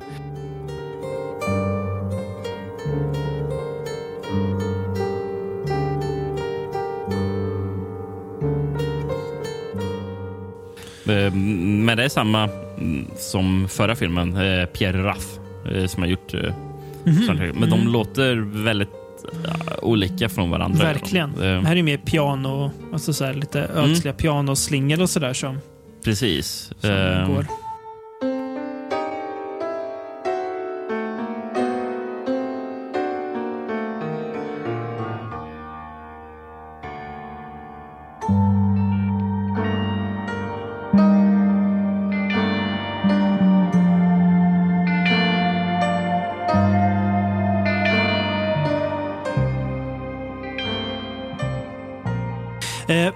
Franza Pascal, som då är kvinnliga huvudrollen, hon är ju, så kolla vad hon är med. Det dykt upp intressant. Hon är ju faktiskt med i den här gamla Rolling Stones-filmen Sympathy for the Devil. ja, vill du Eh, höra lite om den? Eller? För Ja, det- jättegärna. det- jag tycker det är fascinerande bara att hon, hon var med där. Ja, du vet vem som har regisserat den? eller? Är det Scorsese? Nej. Det är en, Nej. det är en person som jag, har, som jag lovade i början att jag skulle återvända till. Det är Jean-Luc Mm. Godard som har gjort den. Bara, bara det är ju intressant att han gjorde en Rolling Stones-film. Ja, och, Mm. och jag, fatt, jag fattar, det är så jäkla märkligt det här, alltså hela det här projektet. Ehm, Mm. För 68 eh, så flyttade Godard till London eh, för att han skulle göra en film om abort. Ja. Och det, det låter så jävla märkligt, där, för nästan står det så här. When he discovered that due to the 1967 Abortion Act it was no longer a hot topic, he told his producers he would still make a film in London, but on the condition that he would work with either the Beatles or the Rolling Stones. Och bara, Okej. Okay. det, det skiftade väldigt mycket där. Och Beatles tackade nej till Jean-Luc Godard. Men eh, Rolling Stones tyckte bara, ah, men det, det här kan bli festligt. Eh, så då så fick han följa med in i deras studio när de skulle gör, eh, gör, börja spela in deras eh, skiva Beggars Banquet som här låten är med på. Då. Eh, så, så det är ju så här filmat från den de spelar, eh, håller på att spela in den i studion. Så det är just den låten också. Så det är, det, det är inte så här om att ja, hur är inspelningen av skivan? Utan bara, nej, det är liksom de övar att spela Sympathy for the Devil. Så det är någon slags musikdokumentär då, fast... Ja, fast ändå inte. Nej, För precis. Filmen handlar. Alltså, det är mycket i filmen som är om politik och så här. Han filmar ju massor med annat. Han, Ja. han håller på att filma Black Panthers och det är... Har du, har du sett den här eller? Nej? Nej, den verkar Nej. otroligt märklig. Verkar. Eh, och ex experimentell. Eh, jag, jag har förstått, det är en stor del i filmen som är att eh, Godard filmar någon bokaffär eh, som har och sen så filmar han bara, åh, i den här bokaffären så eh, f- får man se att de har typ serie, amerikanska serietidningar och även, så är, har de även typ Mein Kampf och eh, nazi-memorabilia. och, och jag vet inte vad någonting har med någonting i det här att göra. Det är som när jag läser beskrivningen. Det Men- låter ännu mer svårförstått än, än vad den här järnrosen representerar i Iron Ja, Man. precis. Men, eh, och, och, och jag tror att originaltiteln var One plus one. Så den här Sympathy for Devil var någonting som kom senare. Okej. Eh, Men jag läste eh, på 1968 London Film Festival så, så visades den då. Men då hade produ- producenterna i slutet på filmen lagt in eh, en, ja, alltså hela inspelningen av Sympathy for, for the Devil i ett. Eh, Alltså hela låten sen, så när den var färdiginspelad så hade de klippt in det i slutet. Och Då blev Godard så arg. Så han, så, så, så han, så han gick fram till eh, producenten eh, Ian Courier och, eh, och slog honom i ansiktet. Ja, jävla dåre Godard. För, för, för, för, de, för de ändringar som han har gjort utan Godards eh, eh, aning. då. Godkännande. Ja, just Ja, det. och, och, och, och efter det så, så, så, hade, så höll Godard en egen visning av filmen i sin originalklippning un- under en bro i London för eh, gratis. En gratisvisning hade han. Så att folk Gud, skulle se den märkligt. rätta. Jag kom bara, nu bara fick en snabb tanke. Jag bara måste upp. Jag läste så himla mär- märkligt idag faktiskt, på tal om originalklippning. Nu Mm. kommer vi in på något super, super sidospår här. Men jag läste att det, jag vet inte om det här stämmer, men det var folk som, så här, som letar efter en tv-klippning som ryktas ska finnas av Ett päron till farsa firar jul. Mhm. Där det är en scen som aldrig sen har funnits med igen. Och jag, man kan Okej. fat, fat, fatta varför när man hör vad det handlar om. Men det ska tydligen vara att eh, Clark Griswold, då, alltså Chevy Chase, eh, som i all, alltid som man gör i de här filmerna ser någon väldigt vacker kvinna och att han då man ser att han får stånd då. eh, Att det ska på något sätt vara. Och då ska det vara någon av, så här, eh, när släkten är där, en flicka som ska sitta i hans knä och så blir det ett skämt av det. Oj. Att det ska finnas en sån scen. Eh, Ja. ba, va? och att det ska vara så här, i någon tv-klippning. Det känns ju som att... Det, det känns ju som det som man kanske tar bort för en tv-klippning. Exakt, Och- det är exakt det jag något. tänkte. Att det är mer liksom, men så, jaha. Eh, för då var det någon, jag lä- läste man hittade någon, någon kvinna när hon dog. Så man hittat liksom så här, högar och högar och högar av VHS-band. Hon hade bara, hon hade bara, bara, bara, bara spelat in tv-sändningar löpande. Alltså så här, tusentals timmar av tv-sändningar från typ 70-talet som bara fanns på band. Som man skulle försöka digitalisera tror jag. Åh jävlar. Och då var det någon som hopp- hoppades att den här kanske skulle finnas där. Jävligt märkligt i alla fall att jaha, det finns en sån också kanske. Eventuellt, vem vet? Ja, det är väldigt spännande. Konstigt. Apropå förresten eh, Françoise Pascal, jag vill säga Mm. bara några andra grejer som hon har, har gjort. För hon eh, har ju ändå jobbat lite, en del i mm, England. Hon gjort. Mm. Ehm, 71 så hade hon en första tv-roll. De var, hade en roll i den här tv-serien vi nämnde tidigare, Coronation Street. Den ja. Den som pågår och pågår och pågår. Precis, där, där har hon varit med faktiskt, François eh, Pascal. Ehm, sen så var hon med i um, Vernon Sewells film eh, Burke and the Hare. Och de Ja. två såna här 1800-tals seriemördarna tror jag de är. Just det. Mm. Eh, och det är Vernon Sewell som vi pratade om rätt nyligen för han gjorde den här The Crimson Altar. Ja, ja, ja. Så de har jobbat ihop. Mm. Men den här blev jag så fascinerad. Också så här, va? Finns det här? Mm. Eh, hon, hon, hon tackade nej eh, till en film för att hon skulle vara, just vara med i Iron Rose. Den filmen hon tackade nej till var en film som är regisserad av Kirk Douglas. Som en piratfilm som heter Scalawag.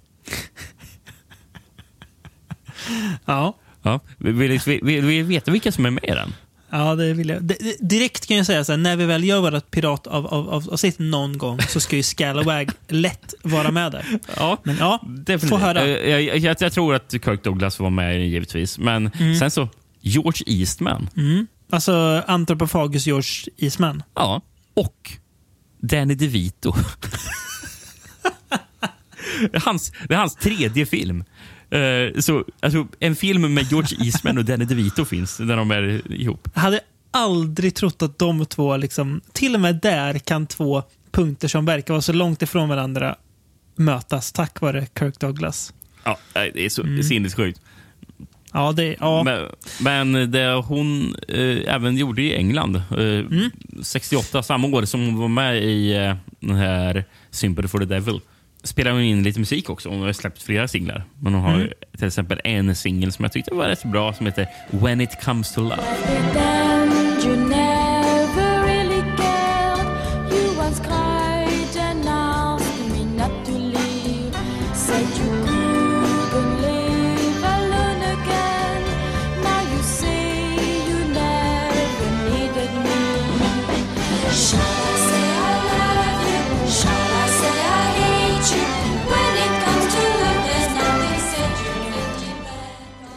Ja nej. Eh, sen har vi ju mannen kan vi nämna också. Bara. Han spelar sig av eh, Kester eller någonting. Ja. Eh, och det jag som stack ut lite är att han är med i den här blå av eh, eh, Kieslowskis Kieslowskis. färger-trilogi. Som väl varken du och jag har sett en minut av, eller? Av eh, trikolören? Nej, det Precis, har jag nej. inte. Nej. Nej. Det, Eh, känns... Eh, det är lite tuggmotstånd, va? Ja, Att- att slå det på en känns som att... Kieslowski-film. Ja, det känns som att man... Det är, det är en typ av film som jag eventuellt någon gång kommer se för att den kanske kommer upp i mitt där dåraktiga pågående 1001 filmer-projektet. Det, det, det är väl då kanske de Mm. dyker upp. Ja. Eh, men Nej, det, det, det, är inte också kanske de kommer dyka upp. Det, De kommer det dyka upp, men det- Ja. jobbigt då om, om typ en eller två av filmerna är med. Då måste jag ju se den tredje också. Ja. Man, man kan inte bara se den röda och den vita.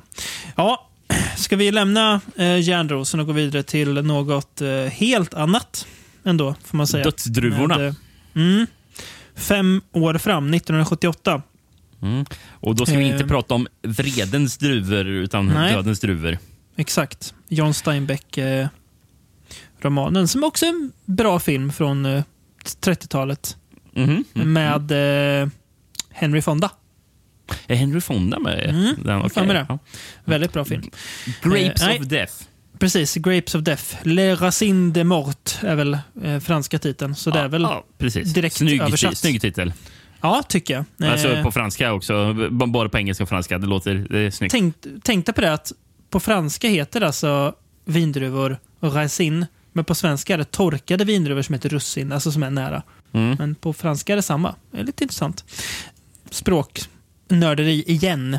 Men hur stavades den förresten på, på franska? Grapes Rai, raisins, va? Ja, det är inte rais- det är inte raisans? eh, Nej, jag eller? tror det är raisins. Jag är osäker. Jag, jag har inte skrivit upp originaltiteln.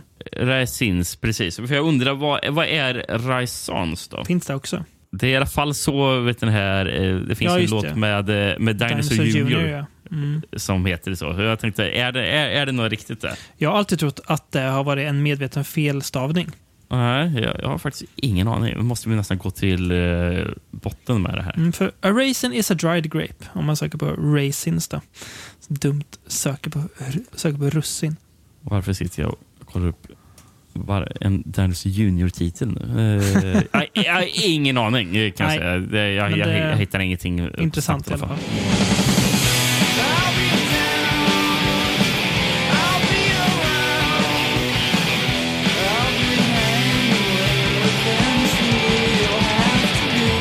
Men så heter den här filmen i alla fall, från 1978. Eh, vad har du eh, på den? Eh, Mm, Grapes of Death. Vi har en, vi har en annan fransk titel faktiskt. Mm. Eh, och jag, eh, som heter Pesticide, eller jag väljer ju att ge det franska uttalet. Pesticid. Mm. Pesticid. Det är- det är rätt snyggt faktiskt. Pesticid. Mm. Eh, sen så en tysk titel som Mm. översätts till Tortyrkvarn av fångna kvinnor. Låter som en annan film. Ja, det kan man säga att det gör. Men vi ska dra en fransk VHS här igen. Nu från ett till eh, bolag. Eh, Iris Television. Eller Iris. Vid gryningen rullar ett tåg genom en ödslig region. I Caboose är Elisabeth och Evelyn de enda passagerarna. Eh, vad, vad kan Caboose vara? Är det typ kupé eller? Ja, det kanske det är. Ja, det- ja precis. bra det måste fråga. vara. I kupén är Elisabeth och Evelyn de enda passagerarna. Eh, Evelyn går till diskbänken.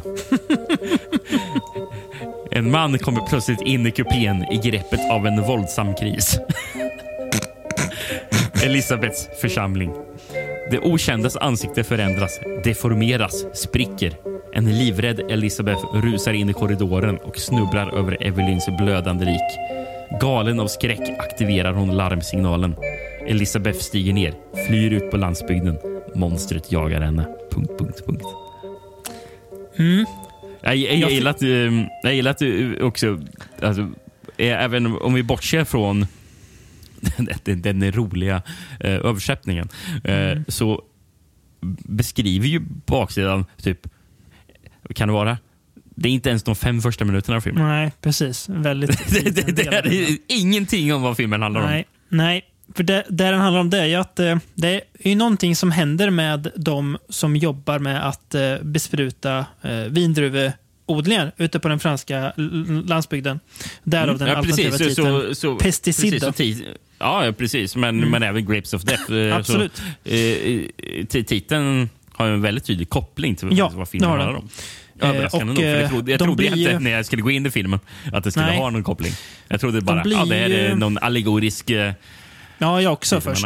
Eh, zombies är fel att säga, men det, det är som att... Väldigt de- likt zombies ändå. Ja, det är det. De blir eh, väldigt... Ja, men lite, lite som i skitfilmen Cell vi såg. Eh, väldigt modiska. Eh, men de kan fortfarande prata och sådär. Eh, men det är som att de bara drivs av lusten Ja, att, mör, att mörda. Och det, hon hamnar ju då i en by full av sådana. Eh, Ja, ja, men Typer. jag, jag, jag, jag har ju sett faktiskt eh, två, två filmer som jag sett den jämföras med en del. Mm. Och, och vilka jag kan köpa. Eh, Den första är eh, The Crazies, eh, Romero-filmen. mm, Den kan man köpa. japp. Eh, Men sen och även, och det kanske inte bara zombie-grejen utan även liksom hur filmen om, känns om, lite. om du nämner den jag tror du kommer nämna. The Living Dead at Manchester Morgue. Ja, precis. Jag tänkte på den också. Eh, ja, men det, är- och jag, jag tror faktiskt att även i den så är det något bekämpningsmedel. För att dra Är- är ännu det mer det? likheter. Ja, jag jag Jag har för mig att det är det. Det var så ruskigt länge sedan jag såg den. Mm. Men trots att det var så länge sedan, eh, så länge sedan jag såg den så minns jag typ hur filmen såg ut och kändes. Mm. Ja, och känns jag precis. Jo, jo men jag håller med. Och, och, och, det, eh, och det kan jag känna igen i, här, Mm. i den här filmen. japp, jag håller med. Det har, det har lite samma eh, Och den måste känsla. kommit eh, typ för den här tiden också va? Eller kom den lite innan? Ja, 74. Alltså, men det är ju det är liksom samtida ändå, Ja. får man säga. Ja, det är Mm. inte jättemycket skillnad. Eh, och det, det jag tycker är intressant med den här eh, filmen är att det här känns mycket, ännu mer modern än hans tidigare. För det här, eh, både, det här, liksom, här är inga slott, ingen gotik, inga ödsliga kyrkogårdar, utan det här känns ja, men, jag, jag, jag tycker det är intressant. Den kommer ju samma år som Dawn of the Dead. Eh, Mm. och den, den, känns, den känns som att den är från samma år som Dawn of the Dead mer än vad Rolands tidigare filmer känns som att de är från samma år som andra Ja. 70-talsfilmer. Eh, det är som att den är mer... Men här, här, den här är väl mer... Realism är ju fel att säga, men du fattar jag menar. Alltså, den känns mer eh, kontemporär på något vis. Var den det- det utspelar så- sig och sådär. Den här är ju inte alls lika surrealistisk. Eller? Nej, Den känns väldigt mycket mer rak. Ja, precis. Och, alltså, det är ju mer som att man tittar på någon sån här postapokalyps. ja, det är det. film. Eh, Exakt. Bör, precis, Eller början av en precis, o- o- postapokalyps. början av en Ja, av- av exakt. apokalypsen. Mm. Men, men, men den har just en postapokalyptisk Mm. eh, käns känsla. Har den. Eh, jag, jag, när jag satt och kollade på den så tänkte jag på en annan film också. Jag tänkte på Mm. den där brittiska No Blade of Grass eh, vi såg till Mm. Podden. Virusavsnittet, ja. Mm. Ja, och, och, och där kändes den också... Alltså, den har lite samma... Mm. Och, alltså, alltså, eko, ekoskräck eller någonting. Precis. Det här. Mm. Jaha, jag fattar vad du menar. Ja. Eh, och, och jag tänker just på den filmen, särskilt de gångerna i Grapes of Death då den filmar på dagen. Mm. Eh, För, för, för, då- har den verkligen samma vibbar. Eh, Ja. När man får se så här, eh, folk ute på landsbygden går omkring. Och, det, Exakt. Och att, att till skillnad från hans, de tidigare serier vi pratade om så är det ju även här, skräck även på dagen här. Det är inte bara liksom att det kommer i skymningen eller på natten eller de nattliga varelserna, utan här är det liksom...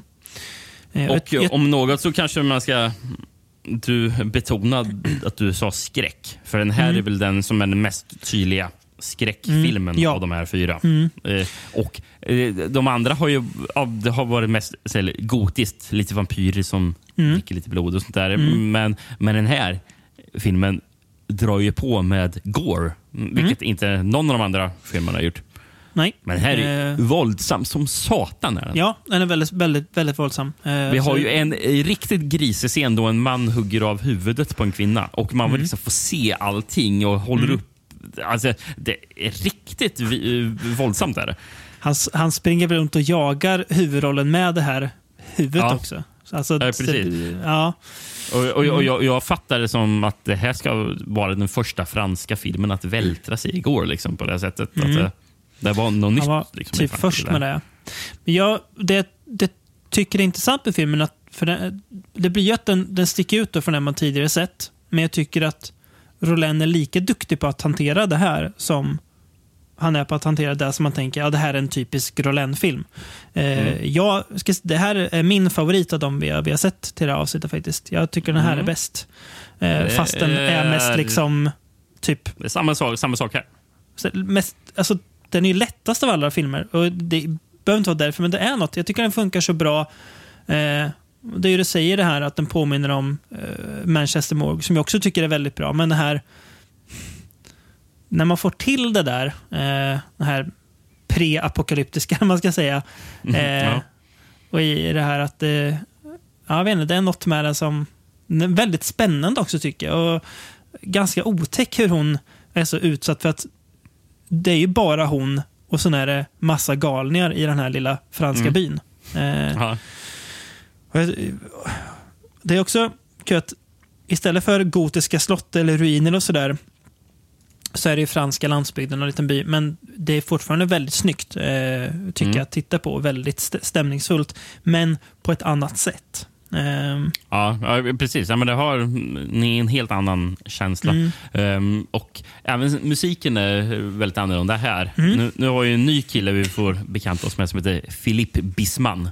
Mm. Ehm, och han har det här ett väldigt avskalat soundtrack som jag tror till största del är mer bara syntbaserat. Mm. Men det, som passar väldigt bra till den här mer apokalyptiska stämningen.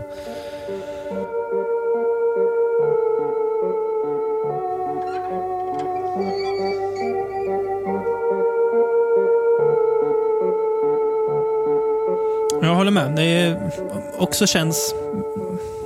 Men det känns ju lite, lite mer andra halvan av 70-talet i så här ton och atmosfär också. En ganska... Det är, en, det är en dyster ton, men på annat sätt än i de andra. De andra var ju mer så här...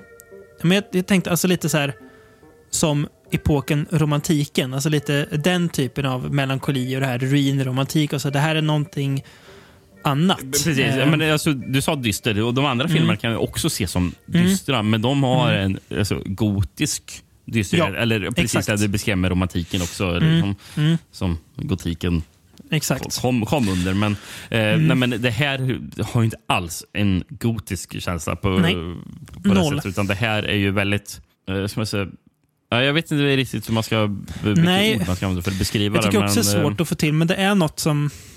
Ja, Men, men, men, men den känns ju dyster i... Mm. Ja, men det, men, som vi sagt flera gånger nu. Men Mm. just, just eh, i den där under tiden, ap apokaly alltså under apok apokalypsen. Mm. ja eh, precis. känslan. Det, är- det är mer det. Liksom. Det, det känns Mm. som att eh, hoppet eh, är försvunnet. Mm. Att han sl- slåss mot en så hopplös fiende. Alltså så här, en fiende hon inte kan vinna mot eh, någonstans. Som man bara... Ja, eh, och, och, Drar ut på. någonting som också är intressant. För den, må, den måste vara sån här sen höst eller någonting, en sån tidig Mm. vinter. Den här spelades in. Och det bidrar också till att den ser så här karg och, och kall Mm. ut. Och på nätterna ska det ha varit ruskigt kallt när de spelade in. Mm. Eh, så, alltså, det var så kallt så att uh, karaktärer, eller skådespelarna hade svårt att säga sina repliker. Oj. Ja, det, det finns några riktigt snygga nattscener med hon den där blinda flickan. Eh, som Mm. också är i den här byn som hon träffar på. Ruskigt snyggt filmade och väldigt så här, också, ja.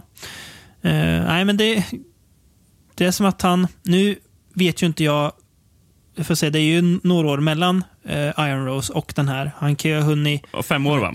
ja, precis, bytt skepnad innan den här filmen. Men att han lyckas göra det utan att det känns eh, Han, han- som, en, som en vad? Han- övning. Utan det känns som att han, han liksom kan det här. Han, han, han gör det. Jag skulle nog säga att jag tror, jag tror inte det, för han, är bara, han gjorde bara två filmer mellan Iron Rose och den här. Jaha. Och den ena är The Demoniacs, eh, som Ja. jag minns som det här typiska Mer åt... vampyr. Ja, ja. Och sen gjorde han även Lips of Blood. Och Mm.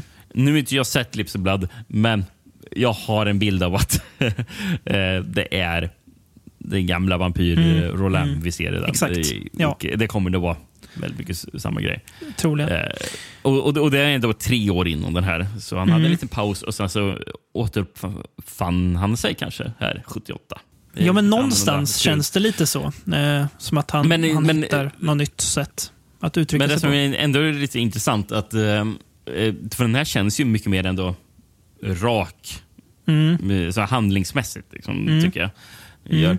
Men den, det, jag blev överraskad när jag läste eh, om den där att han ha- hade skrivit ett, hade ett eh, komplett manus klart tre månader innan han började filma. Eh, men när det väl kom till att kameran skulle börja rulla eh, så körde de till största del eh, improvisation. Så filmen är improviserad till väldigt stor del. Så känns den inte. Nej, det, Nej. den känns inte alls improviserad. Det, jag blev så överraskad när jag läste det var, Va? ja, nej, det, det hade jag För det hade aldrig, aldrig kunnat trott. Nej. Riktigt grymt slut också, sista akt, när det liksom stegrar ä- ännu mer och eh, får, sin, får sitt klimax. Eh, riktigt, riktigt bra. Nej, det här var Mm. eh, ja, väldigt trevlig. Ska jag inte säga överraskning, för då hade man ju sett några och tyckte ja, men han, han är bra. Men det här var liksom att han Mm. kan det här också. Hon, Ehm. hon som spelar huvudrollen, eh, Mm. Elisabeth, eh, spelas av Marie-George eh, Pascal. Mm. Hon har faktiskt varit med i lite film man sett. Till exempel till podden Blood and Roses, den här franska vampyrfilmen. Ja, det är ingen jag kommer ihåg, men det, jag, jag litar på dig. Ja, men den slutet 50-tal, svartvit var den väl? Länge sedan vi såg den, här, eh, vet du det? Är det Carmella? Ja, ja, ja. Ja just det. Ja. Ja, just det. Den ja. Gamla novellen. Men, men, Sheridan Le Fanu, va? ja, pre- precis. Jag har för mig att eh, Blood and Roses var baserad på den. Mm. Av, av den här eh, Ro, Roger Vadim. Ja, just det. Ja. Ja, 1960 var den från. Eh, Ja. Mm. Ehm, och Fan, det här hade jag glömt bort. Men, eh, För jag läste att hon var med i, hon är med i Barbarella. Queen of the Galaxy. Mm. Jag läste, det är ju han Roger Vadim som även har gjort den filmen. Ja, just det. Där är. Det är väl en, en Ja. av de andra sk- skådespelarna som också är med i Barbarella, va? I den här filmen. Har jag, har jag om inte den- jag skriver fel, Serge Marcand. Ja, och han också med. Eller så, ja, det kan han ja, mycket eller, väl ha varit. Eller så har jag skrivit fel. Men ja. ja för jag var lite väl, överraskad. eh, Jag, jag, jag, jag, jag hade fått för mig att... Eh, ja, precis. Ja. Jag, vet inte varför. Jag hade fått för mig att uh, Barbarella var en amerikansk film. ja, det känns som det. Det känns som det, men det var många franska skådespelerskor med i den. Det skulle så- komma en, eh, en, ny version av eh, den, va? Har jag läst, tror jag. Asså? Ja, med Margot Robbie, tror jag. Jaha. Ja. Ja. Ja, okej. Ja. Eh, nej, men sen så har jag varit med i lite eh, western. Och Cemetery Without Crosses som faktiskt är en... Jag tror den, är en italiensk western. Mm.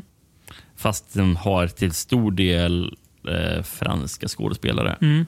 Eller, du, det är nog en samproduktion mellan Italien, Spanien och Frankrike.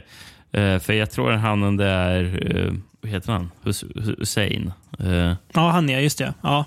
Jag vet han? Robert Hussein. Heter han? Robert? Hussein. Ja, Ja, eh, han i alla fall. Robert Hussein, precis. Ja. Som vi pratade senast, eh, hans film Vampyr, The Vampire of Düsseldorf. Just Han, det. han har ju även gjort den här Cemetery, Cemetery Without Crosses. Som är, Så, just det. Och det nämnde vi ju då, då att, att, att han hade gjort. Mm. Just det. Ah, Mm. okej. Ja. Ja, men det, det, det är en bra western. Och sen så är, eh, är ju hon, eh, Marie George Pascal, även med i Corbuccis eh, The Specialists. Mm. Gjorde lite västern också.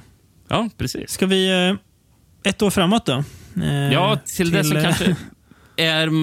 Kan, kan det här vara Rolands mest kända film? Känns som att det är en av dem. Framförallt baserat på en viss scen i filmen. då. Eh, Precis. Som eh, eh, kanske fått den om, att typ, sticka ut. som är med, ofta med, med på postern. Liksom, och, om du tänker på Lien, eller? Mm. Jag Ja. tänker på Lien. Den är på omslaget till Blu-ray också. Och Ja, Det är då mm. Fa- Fascination från 1979. I Grekland, djävulsk charm. Spa Spanien, vampyrernas slott. Fan vilken supergenerisk titel. Kan vara vilken film som helst som har vampyrer i sig. Och sen sist, eh, Tyskland. Eh, Fascination, kvinnornas blodslott. Mm, Det var de lite där. bättre ändå. Ja, det var lite bättre ändå. Men eh, ja. Och vi går till våran femte franska VHS. Mm. Återigen nu av American Video. American Video. Elisabeth och Eva eh, försöker behålla Mark, en, eller Mark, en ung gangster som har kommit för att ta sin tillflykt till deras slott genom att ge honom en glimt av en mycket speciell natt. Vad han inte vet är att han i gryningen kommer att offras oåterkalleligt till denna märkliga blodfestival.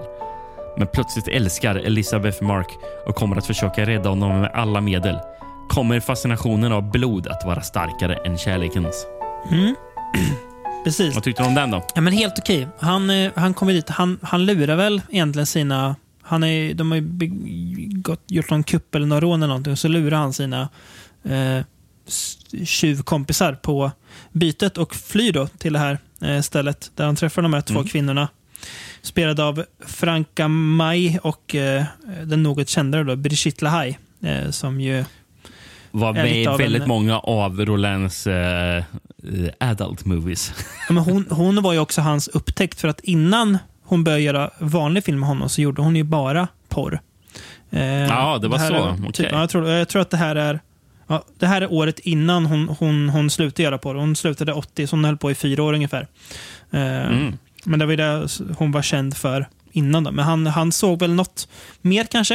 Eh, Um, vill du veta vad hon mer har varit med i den där Bri- Bri- Brigitte här? eh, ja, det vill jag.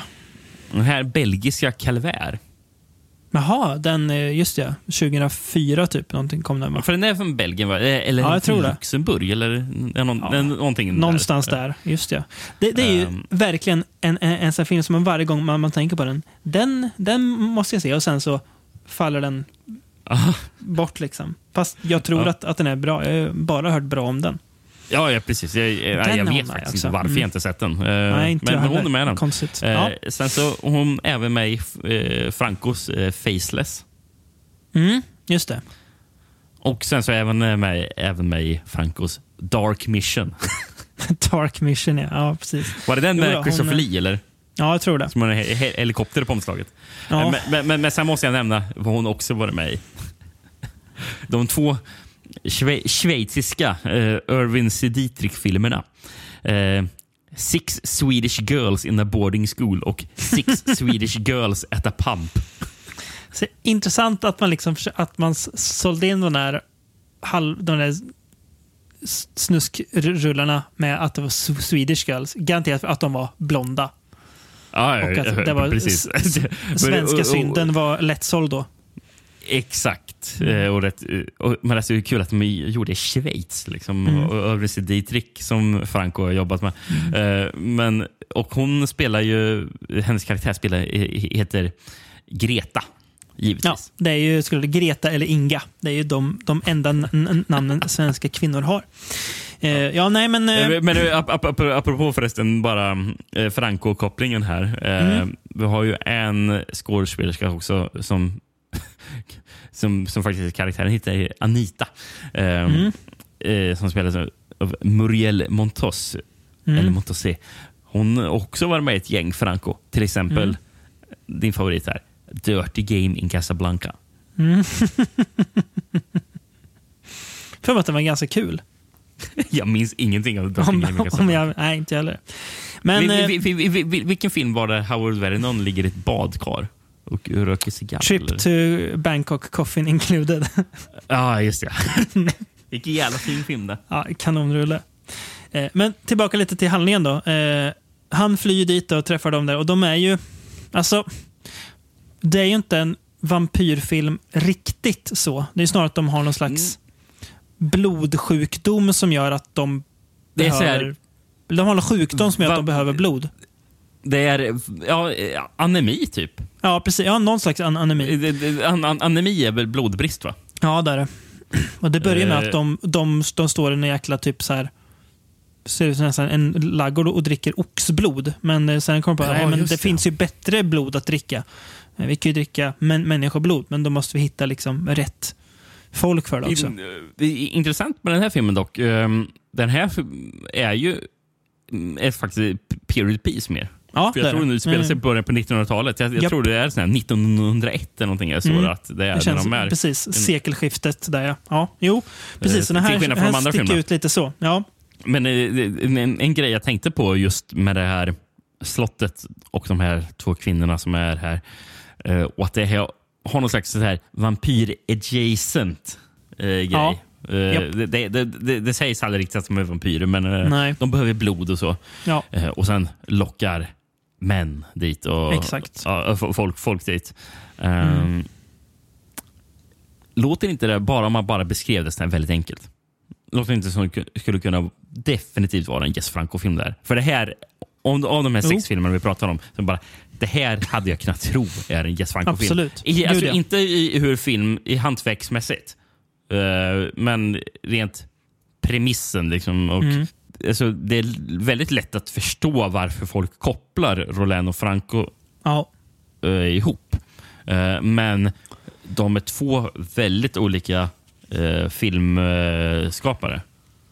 Jag kan tycka att de är väl som närmast varann i, om, om, man tänker Franco, i typ Vampyros Lesbos. Alltså när han är på det humöret. Mm. Eh, Men ändå, ändå väldigt olika. Men det är väl kanske då de är som närmast varandra stilistiskt och sådär. Men ändå så är det ju...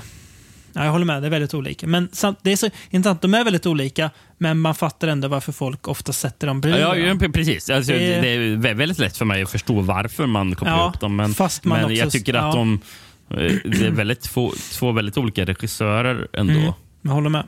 Är de. Som Men, men just med den här filmen eh, så bara, det är så jäkla mycket med det här som bara, Mm. fan, det här känns som att det skulle kunna vara en Jes Franco-film. Sen- Och, och, så- så- särskilt med den här, eller till exempel med den här eh, kända bilden eh, med, med hon, eh, den ena med lien då. Hon står i någon man, mantel med, med lie. Liksom. Och Bara, Mm. Det är en- ja, det, är en, det är en bild som skulle kunna vara Ja. från Franco-film också. Så det är en liksom. extremt... Det är ju en jäkligt snygg scen också. Det är Brigitte Lahaye som bara har en typ mantel eller kappa över sig. Hon är ju naken under, Mm. som då liksom går fram bestämt, bestämda steg på det här slottets typ eh, nästan över en över vattnet på någon så här stenbro går de fram till en kvinna och ja, jäkla snyggt alltså. Också eh, känns, vet inte, det är en sån här scen som, den där, man, man fattar varför den har blivit så ikonisk alltså, i, i, sitt, eh, i sin eh, kontext. Då. Det ser väldigt cool ut. Sen tycker jag att det var... Men, men, men, om, om, nu slog det mig en grej. Hade, hade, hade jag bara sagt bara, eh, finns en film från 79 om Mm. två, två unga kvinnor som är i ett slott och som snärjer män dit. Mm. Vem har gjort filmen? Ja, Yes, Franco säger man då. ja, absolut. Gud ja. Ja, verkligen. Nej, men jag, håller, jag håller med. Eh, jag håller med. Så att, eh, det kanske är Örelands mest francoiga film då, om man bortser från Zombie som inte räknas. Eh, jag tycker att det här känns lite mer nästan jordnära på något vis. Alltså, den här filmen har ju inget övernaturligt i sig. Nej. Eh, för de här, eftersom, om vi nu någonstans enas kring att de här kvinnorna de Inte är vampyrer. Nej, de är vampyrer i det att de dricker blod, men de är liksom inga så här vampyrer att de dör av vitlök eller solljus eller kors eller så, utan de är, eh, jag vet inte, Mm. e- elaka aristokratkvinnor som dricker mänskligt blod. Det är, alltså, de är mer som grevinnan Bathory då, alltså Mm. att de Ja, mm, tänker att det ska ge dem något. Ehm, och också ganska mycket dialog i den här filmen. Det är väldigt mycket dialog. Eh, drivs väldigt Mm. my- mycket fram av det. Eh, men också rätt snygg. Snygga, alltså det här slottet de går runt i. Där de ju typ nästan hela filmen bara är tre personer. Eh, är också snyggt. Eh, det är ju när de Ja, där skurkarna kommer och så är det ju några fler. Men och så väldigt, eh, väldigt modemedvetna ut de här skurkarna för sin tid. Ser ut att ha liksom gått till en kläddesigner och fått sina, sina kläder uppsydda nästan. Ja. Ser ganska frän ut. Men jag vet inte, det är något med... Det är något som saknas tycker jag med den här filmen lite grann för att den ska...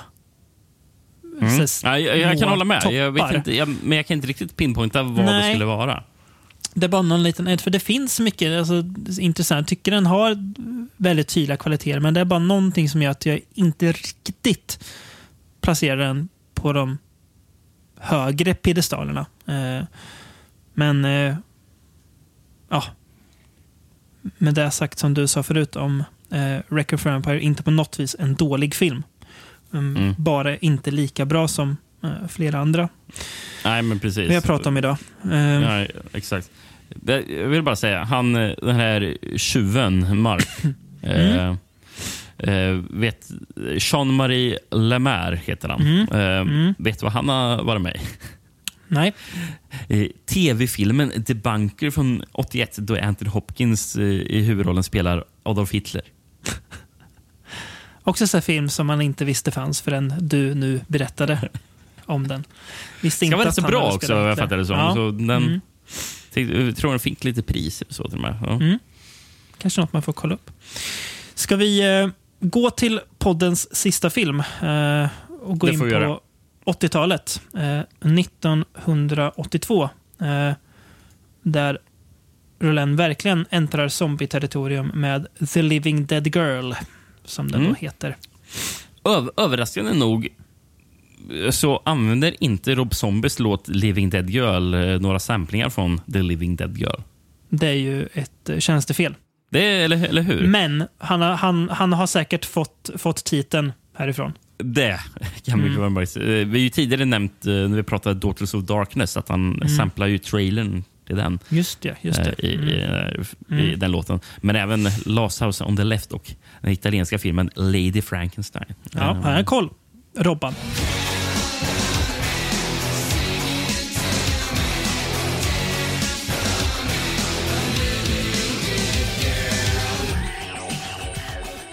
Men eh, Living Dead Girl i Japan, eh, Zombie Queen. Trött Eh, titel alltså. Ja, Tyskland, Lady Dracula. Ja. Nej, det är det ju inte. Eh, och sen den andra tyska som är så jäkla dum. Scare, Dead or Alive. Men återigen så är det alltså originaltiteln som är överlägsen alla andra. Ja. Som så här, filmen ska he- heta så här, för det är det som mest representerar vad den sen är för någon, någonting. Mm. Vad, eh, vad har du för handling på den här? Enda franska jag inte har. Vet du vart vi åker då? Finland? Sydkorea. Ja, där är vi inte jätteofta när Nej. vi läser baksidetexter. Nej, men jag hittar faktiskt en Det koreansk gör mig glad. Mm. som det står också La Mort Vivant. Så det står faktiskt original, franska originaltiteln på eh, framsidan på den koreanska VHSen. Det står Mm. Intressant. Mm. även på eh, koreanska tecken också. Men ändå att de behåller den franska är kul. Men nu, håll i hatten. Lady of Gåsund. Dagen, mörkret täckte hela draken-världen. De dumma gravverktygarna infiltrerar det övergivna slottet och gräver Mudem. Men en plötslig och oförklarlig jordbävning öppnade kistkåpan i Mudam och bevarade den vackra 20-åriga pigan i den. Vid den här tiden återupplivar kvinnan, som hade legat med en misstänkt gas, igen och förvandlas till ett blodkrossande horn. I slutändan blir människor bäst i sin tur och saker som är svåra att lösa med modern vetenskap fortsätter att inträffa. Hur blev du faktiskt inbjuden till grunden för PA? För pa mm. Vill du att jag kompletterar lite eller? Jag, det- jag undrar om den här första Lady of Gåsund, om det Mm. är titeln Kanske är det. och om det är ens närheten av eh, korrekt översatt Lady of Gåsund. Det vet jag inte. Mm. Eh, men vi väljer att tro det. Du får gärna, hjälpa till. Jag gör det. Nej, men det är ju två eh, män då, eh, gravplundrare som ger sig ner i en krypta där två kvinnor ligger begravda. Och Då är det så att giftigt avfall läcker ut och eh, får eh, en av de här kvinnorna att vakna till liv. En fråga. Eh, ja, Tror du att Dan O'Bannon har sett uh, Living Dead Girl innan han, såg, Ja, innan han skrev nog- Return of the Living Dead? kan kanske ha gjort det. Ja. Eh, Väldigt Det är väldigt likt. Triotoxin, ja. Eh, hon är ju då, hon vaknar då till liv. Eh, hon har legat död i två år får vi veta och har ju då en väldigt modisk aptit eh, som gör att de som kommer i hennes väg får bittert erfara det. Eh, och eh, återvänder då till slottet hon vuxit upp i som typ verkar vara till salu va? Eh, nu. Eh, Mm. Det är massa som är och kollar på det. Eh, men för det är ju då, vi får ju också se flashbacks där hon och hennes är det bästa vän va? eller är det syster? Nej, bästa vän va? Ja, jag är lite osäker på. Men En tjej hon är väldigt nära i alla fall. Där de, Ja. där, där, där de svär en ed, där de till och med säger att den som dör först av dem ska komma tillbaka för att leva med varandra. De ska aldrig Mm. leva utan varandra. Och Hon gör ju då allt för att hålla eh, hennes, alltså he, he, hem, hemligheten att hon är tillbaka då. Eh, Mm. eh, vid liv. Men det läcker ut lite för mycket. Folk börjar ju se henne. Så jag tänker, vad, vad är det där för blond tjej? Nej, men vadå? Hon har ju varit död i två år. Ja, men jag har ju sett henne där. För det är någon amerikansk fotograf som är där tror jag också. Eh, som råkar få syn på henne. Men ja, Mm. eh, det är ju enda Roland-filmen där de pratar engelska. Eh, några Ja, av karaktärerna. ja. Mm. Och det är de amerikanska karaktärerna som gör det då. Eh, som är där. Det, he, hela filmen känns... Alltså man märker att man kommer in på 80-talet delvis. eh, Men den här känns ju lite mer så italiensk också. Det gör den. Dels i, eh, i Goret också. Ja, verkligen. Den är ju också våldsam. Jag tror ändå att Grapes of Death är mer våldsam. Ja, den där, här. där är den. Men, Men det finns lite... den, är, den är väldigt mycket mer mm. går, går i den här. Um, men särskilt slutet på filmen, tänkte jag, typ sista så här 10-15 minuter bara bara, Åh jävlar, vad nu känns det italienskt här. Eh, när de, när de här. Det är någon karaktär som dyker in som heter Barbara. Eh, hon eh, tror väl träffar någon man på någon klubb eller någonting. Eller det är någon, sån här, någon dansställe. Där det är någon band som spelar och så. Och och all, alla scener är runt omkring det där. Och, eh, och de pratar lite engelska, lite fr- franska och så där. Men allting runt omkring bara... Jag vet inte, det var någonting som, som jag kände innan i mig. Bara, det känns lite som att jag tittar på en Claudio Fragasso-film. Ja, men jag, jag tror jag fattar lite vad du menar. Den hade Ehm. feelingen och, och även looken av en Fragasso-film där. så I alla fall mot slutet. Ja, små skeva grejer. Eh, men det, det, den här filmen gillar jag också väldigt mycket. Eh, och det, Mm. det jag gillar med den det är att det finns något, återigen, väldigt sorgligt över den. Hon blir en väldigt sorglig figur, för det är som att hon inte vill leva någonstans när hon till slut fattar vad hon har blivit. Sen är det ju väldigt snyggt drag av Roland att eh, låta henne vara dels väldigt ljus i hyn, ha nästan vitt blont hår och ha en vit eh, klänningen hon kommer upp i är också vit. Så det blir väldigt snygg kontrast mot när hon då Blodet. dödar folk och blir blodig. Eh, så, eh, så kan, det kan ju låta lite så här, har Roland gjort en, en zombiefilm åt- 82? Ah, ja, eh, men, Men hon är ju knappt en zombie. Det är det. Nej, Ja, hon, hon är ju nästan en vampyr mer. Ja, hon är ju en levande död, precis. Om det, precis. eh, men jag tycker är en väldigt... Vålnad. Liksom. Ja, precis. Intressant take på, oavsett om man vill kalla det för zombie eller vampyr eller vålnad, så eh, tycker det, han får till något bra. Här tycker jag det också känns som en Roland-film. Eh, lite att det är ganska långsamt, eh, bitvis ganska sparsmakad dialog. Förklarligt eftersom att hon, eh, titelrollen då, säger ju inte så mycket. Ja, hon har börjar ju säga mer under Mot- filmens gång. Exakt. Men Vilket också ju- tar bort lite från eh, det här som, Zombie, vara ja, zombie precis. För hon Mm. blir ändå rätt så vältalig. eh, Ja, eh, och medveten om vad hon är för nå- någonting. Precis, Eh, hon kan ju tänka liksom.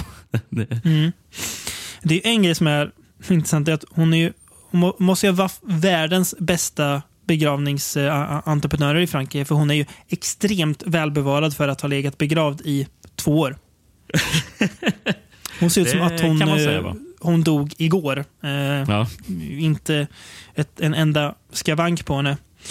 Ehm, Är det inte, är det inte konstigt, väsen, hela det här introt med, med scenen där de här två gravgrävarna som Mm. eh, gör någon slags kemikaliespilla som Mm. väcker henne till liv. Är inte det en väldigt så här, naturlig förklaring till någonting som sen i filmen är mer bara här, av det övernaturligt med att Mm. hon är en levande död. Liksom bara, inte konstigt att, att han ens har valt att att han behöver förklara varför hon växte liv. Det, det, det skulle kunna vara en producentgrej, att du måste vara lite tydligare. Eller att man, Ja, jag, ja, jag håller med. Det, Det, det känns ju som att bara, är, det, är det Roland verkligen som har valt att det, någon ska ens ha med en... Alltså, handlingen behöver förklara varför hon växte liv. Bara, ah, ke- kemikalier. Bara, ja, det känns som inte riktigt... Det hade, hade väl inte han gjort för tio år sedan? eh, nej. Det hade liksom varit mer Roland om de bara hade gått ner och hon, hon hade, hade vaknat för att de, de stör hennes gravfrid. Alltså att det Ja, hade varit ja, det. hade- verkligen. Och, och det hade liksom så här, ja, jag hade inte behövt någon, alltså så här, någon förklaring till. För det, jag håller med, det, när du säger det, det, tar bort, det kanske tar bort lite grann. Men det är nästan som att ju mer filmen går så glömmer jag bort att just det, hon, hon vaknade tack vare de här kemikalierna. Mm. För det är inget man, det är som du säger, man lägger ju ingen vikt vid det sen. Det är ju aldrig något som kommer tillbaka eller som Ja, nej, nej det, det, det, det, är mer bara ett, ett, ett beslut som sticker ut lite. Mm. Ja, det är sant. I, alltså, om man jämför med alla de här sex filmerna. Alltså, det, Ja. bara, det är någonting som bara... Mm. Ja. Ja, för i, i Grapes of Death så är det mer så här, det känns det mer logiskt att det finns en förklaring. Alltså för det, det, är, Mm. mer, det, det är mer i samklang med filmens övriga känsla. Och det är också något som faktiskt kommer tillbaka i slutet av den där filmen. Här är något Ja. som, ja, hon vaknar för det. Ja, då var det klart. Då kan vi köra på med det egentligen. Precis. Ja, det är- Någonstans. Eh, nej, men jag tycker den är eh, väldigt, väldigt sorgligt slut också i filmen. Jag tycker det, det som blir intressant är att filmens... Väldigt sorgligt ut. Ja, Ja, väldigt sorgligt ut. Filmens skurk är ju inte hon, utan det är ju hennes kompis. Mm. Ka- eh, in, inte Catherine, utan kompisen. då. Eh, att det är hon som är den som egentligen gör, som man kan säga, så gör moraliskt felaktiga val. Även om man, så här, man kan förstå vart de kommer ifrån. Eh, hon är inte ond så, alltså att hon gör det för, liksom för ondskans skull. Eh, men eh, ja, Ja. Nej. Det, o- intressant att han kommer in i åt- 80-talet på det här sättet. Jag kan ju säga att eh, det är ju samma kille som gjorde soundtracket till förra filmen, eh, Philip Mm. Daram. Jag tror inte nämnde förra filmen. Nej, gjorde vi inte. Men, Nej. eh, Det glömde jag bort att göra, men Mm. det, det, var också, det var också ett bra soundtrack. Det har ju varit Mm. i alla filmer. Men, eh, men, men i Fascination var det ju så väldigt mycket så här olycksbådande det var mycket körer och sånt Mm. där var det. Och, eh, och lite pianoplink och så.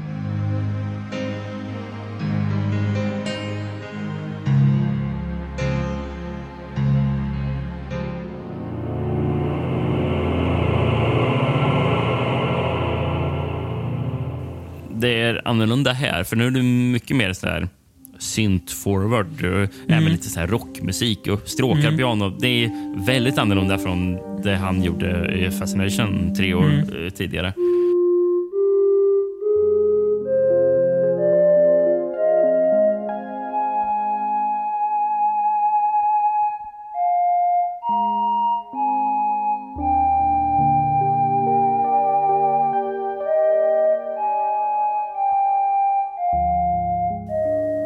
Kanske li, lite mer sign of the times då, i den här filmen. Alltså, Ja, men också så här, kopplat till vad filmen handlar om också. Eller Mm. b- vad det är för film. De är ju ändå väldigt olika varandra. Fascination och Mm. Living Dead Girl. Gud ja. Ehm, eh, jag, jag såg att hon som... som inte, den andra huvudrollen, in, inte den levande döda eh, Nej. Catherine, utan Helene. Eh, Marina Pierrot, är det hon ja, eller? precis. Ja, Mm. eh, så hon är, hon är faktiskt med i, Suspiria. Ja, jag såg det också. Jag vet inte vem Ehm, hon, hon spelar nej. där dock. Och står väldigt långt ner i rolllistan Ja. som figurant. Jag vet inte ens vad figurant är. Är någon i balettskolan eller? Ja, exakt. Eh, och det står också eh, eh, uncredited, så Ja, det syns okej. med eftertexter om jag fattar det. Ja, just det. Eh, också under en tioårsperiod stadigt samarbete med Valerian Borovtsyk. Jaha. Eh, hon var till exempel med i hans film Strange Case of Dr. Jekyll and Miss Osborne. Eh, och var väl lite så här eh, Borovtsyks eh, musa under den här tiden. Mm. Mm. Hon som spelar Living Dead Girl, eh, François Blanchard, hon är ju med i en film vi har pratat om idag. Eh? Caligula och, Caligula och Messalina. Är hon med i den? Okej, okay. vad roligt. Och sen har vi en av manliga rollerna, Mike Marshall. Han är ju faktiskt med i Moonraker. Blir Roger Möller glad när han lyssnar. Ja! Grabbarna snackar Bond, äntligen! Precis. En liten nämnande där. ja, precis. Eh, Alltså, han som har fotat filmen heter Max Montelier. Han har ju faktiskt eh, fotat som Blake. Ja. Lite skillnad på hantverk i de två. Mm, och även skillnad i hantverk mot vad han också fotat Oasis of the Zombies. Jag tänkte gissa på den. Där är det ju två, två filmer som är lätta att eh, förvilla. Zombie Lake och Ace of the Zombies. Eh, två ja, inkompetenta filmer. Men en grej som är väldigt intressant med den här filmen är att Mm. den... För du nämnde ju att det är en del engelsk dialog i den. Eh, Och lite oväntat också med han Mike Marshall som spelar eh, eh, G- Greg. Då. Eh, Men att, att, att man ens har en engelsk skådespelare med. Sen fattade det som att Mark Marshall har levt stort, eh, det stor del av sitt liv i Frankrike, så det var väl därför Ja, han blev castad. Logiskt, Eh, ja. men, men, men just med att det är lite engelsk dialog. Så, och Mm. jag fattade det som att eh, under tiden de filmade eh, filmen så Mm. var det en annan regissör på plats som heter Gregory Heller Mhm. som eh, filmade en engelsk version av filmen samtidigt. Så, var, så efter att Rollin var klar med tagningen så kom Gregory Heller in och filmade den engelska versionen. Finns den eller? Nej, Nej. eh, har- släpptes aldrig och är en eh, sån här lost movie. Men jag fattar det Mm. som att den filmades. Eh, Intressant. Ja. Och han är Gregory Heller. Han har bara en annan credit på IMDB.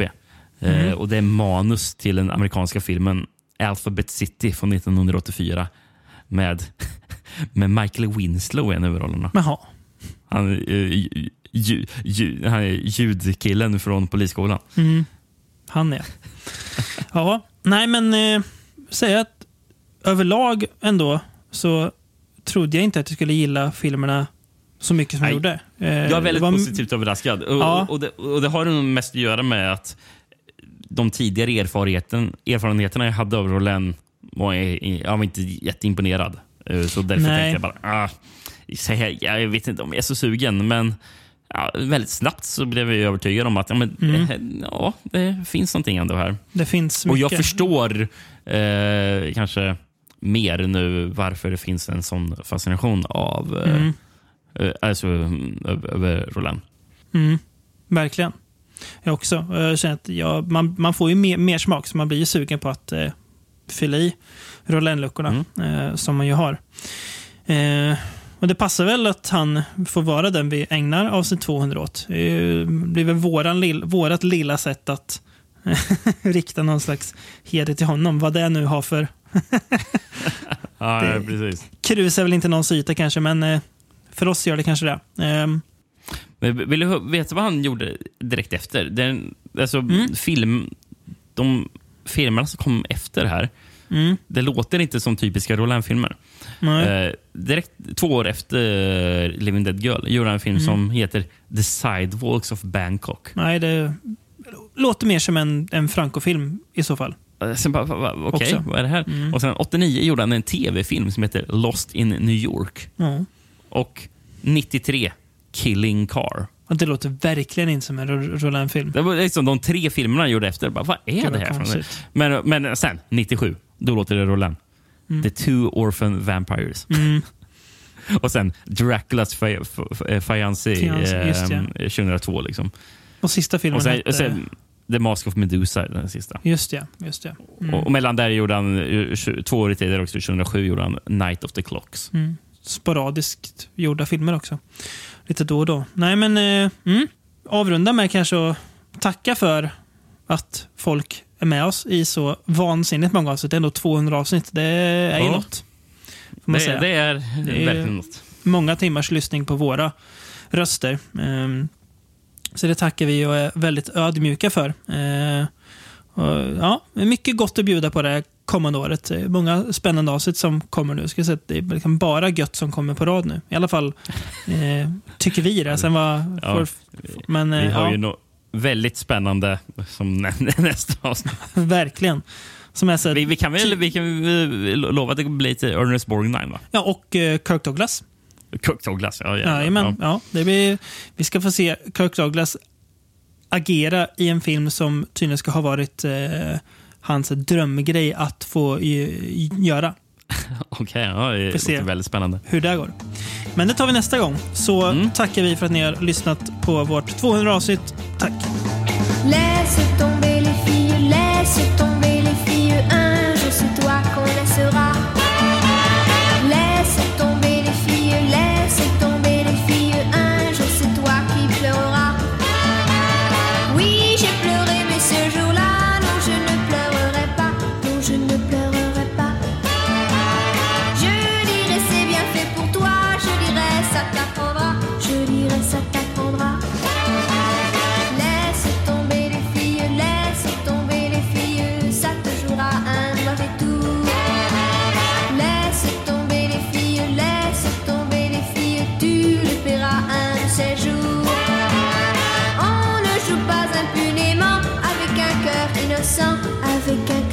Tu verras ce que je ressens avant qu'il ne soit longtemps, avant qu'il ne soit longtemps. La chance abandonne celui qui ne sait que laisser les cœurs blessés.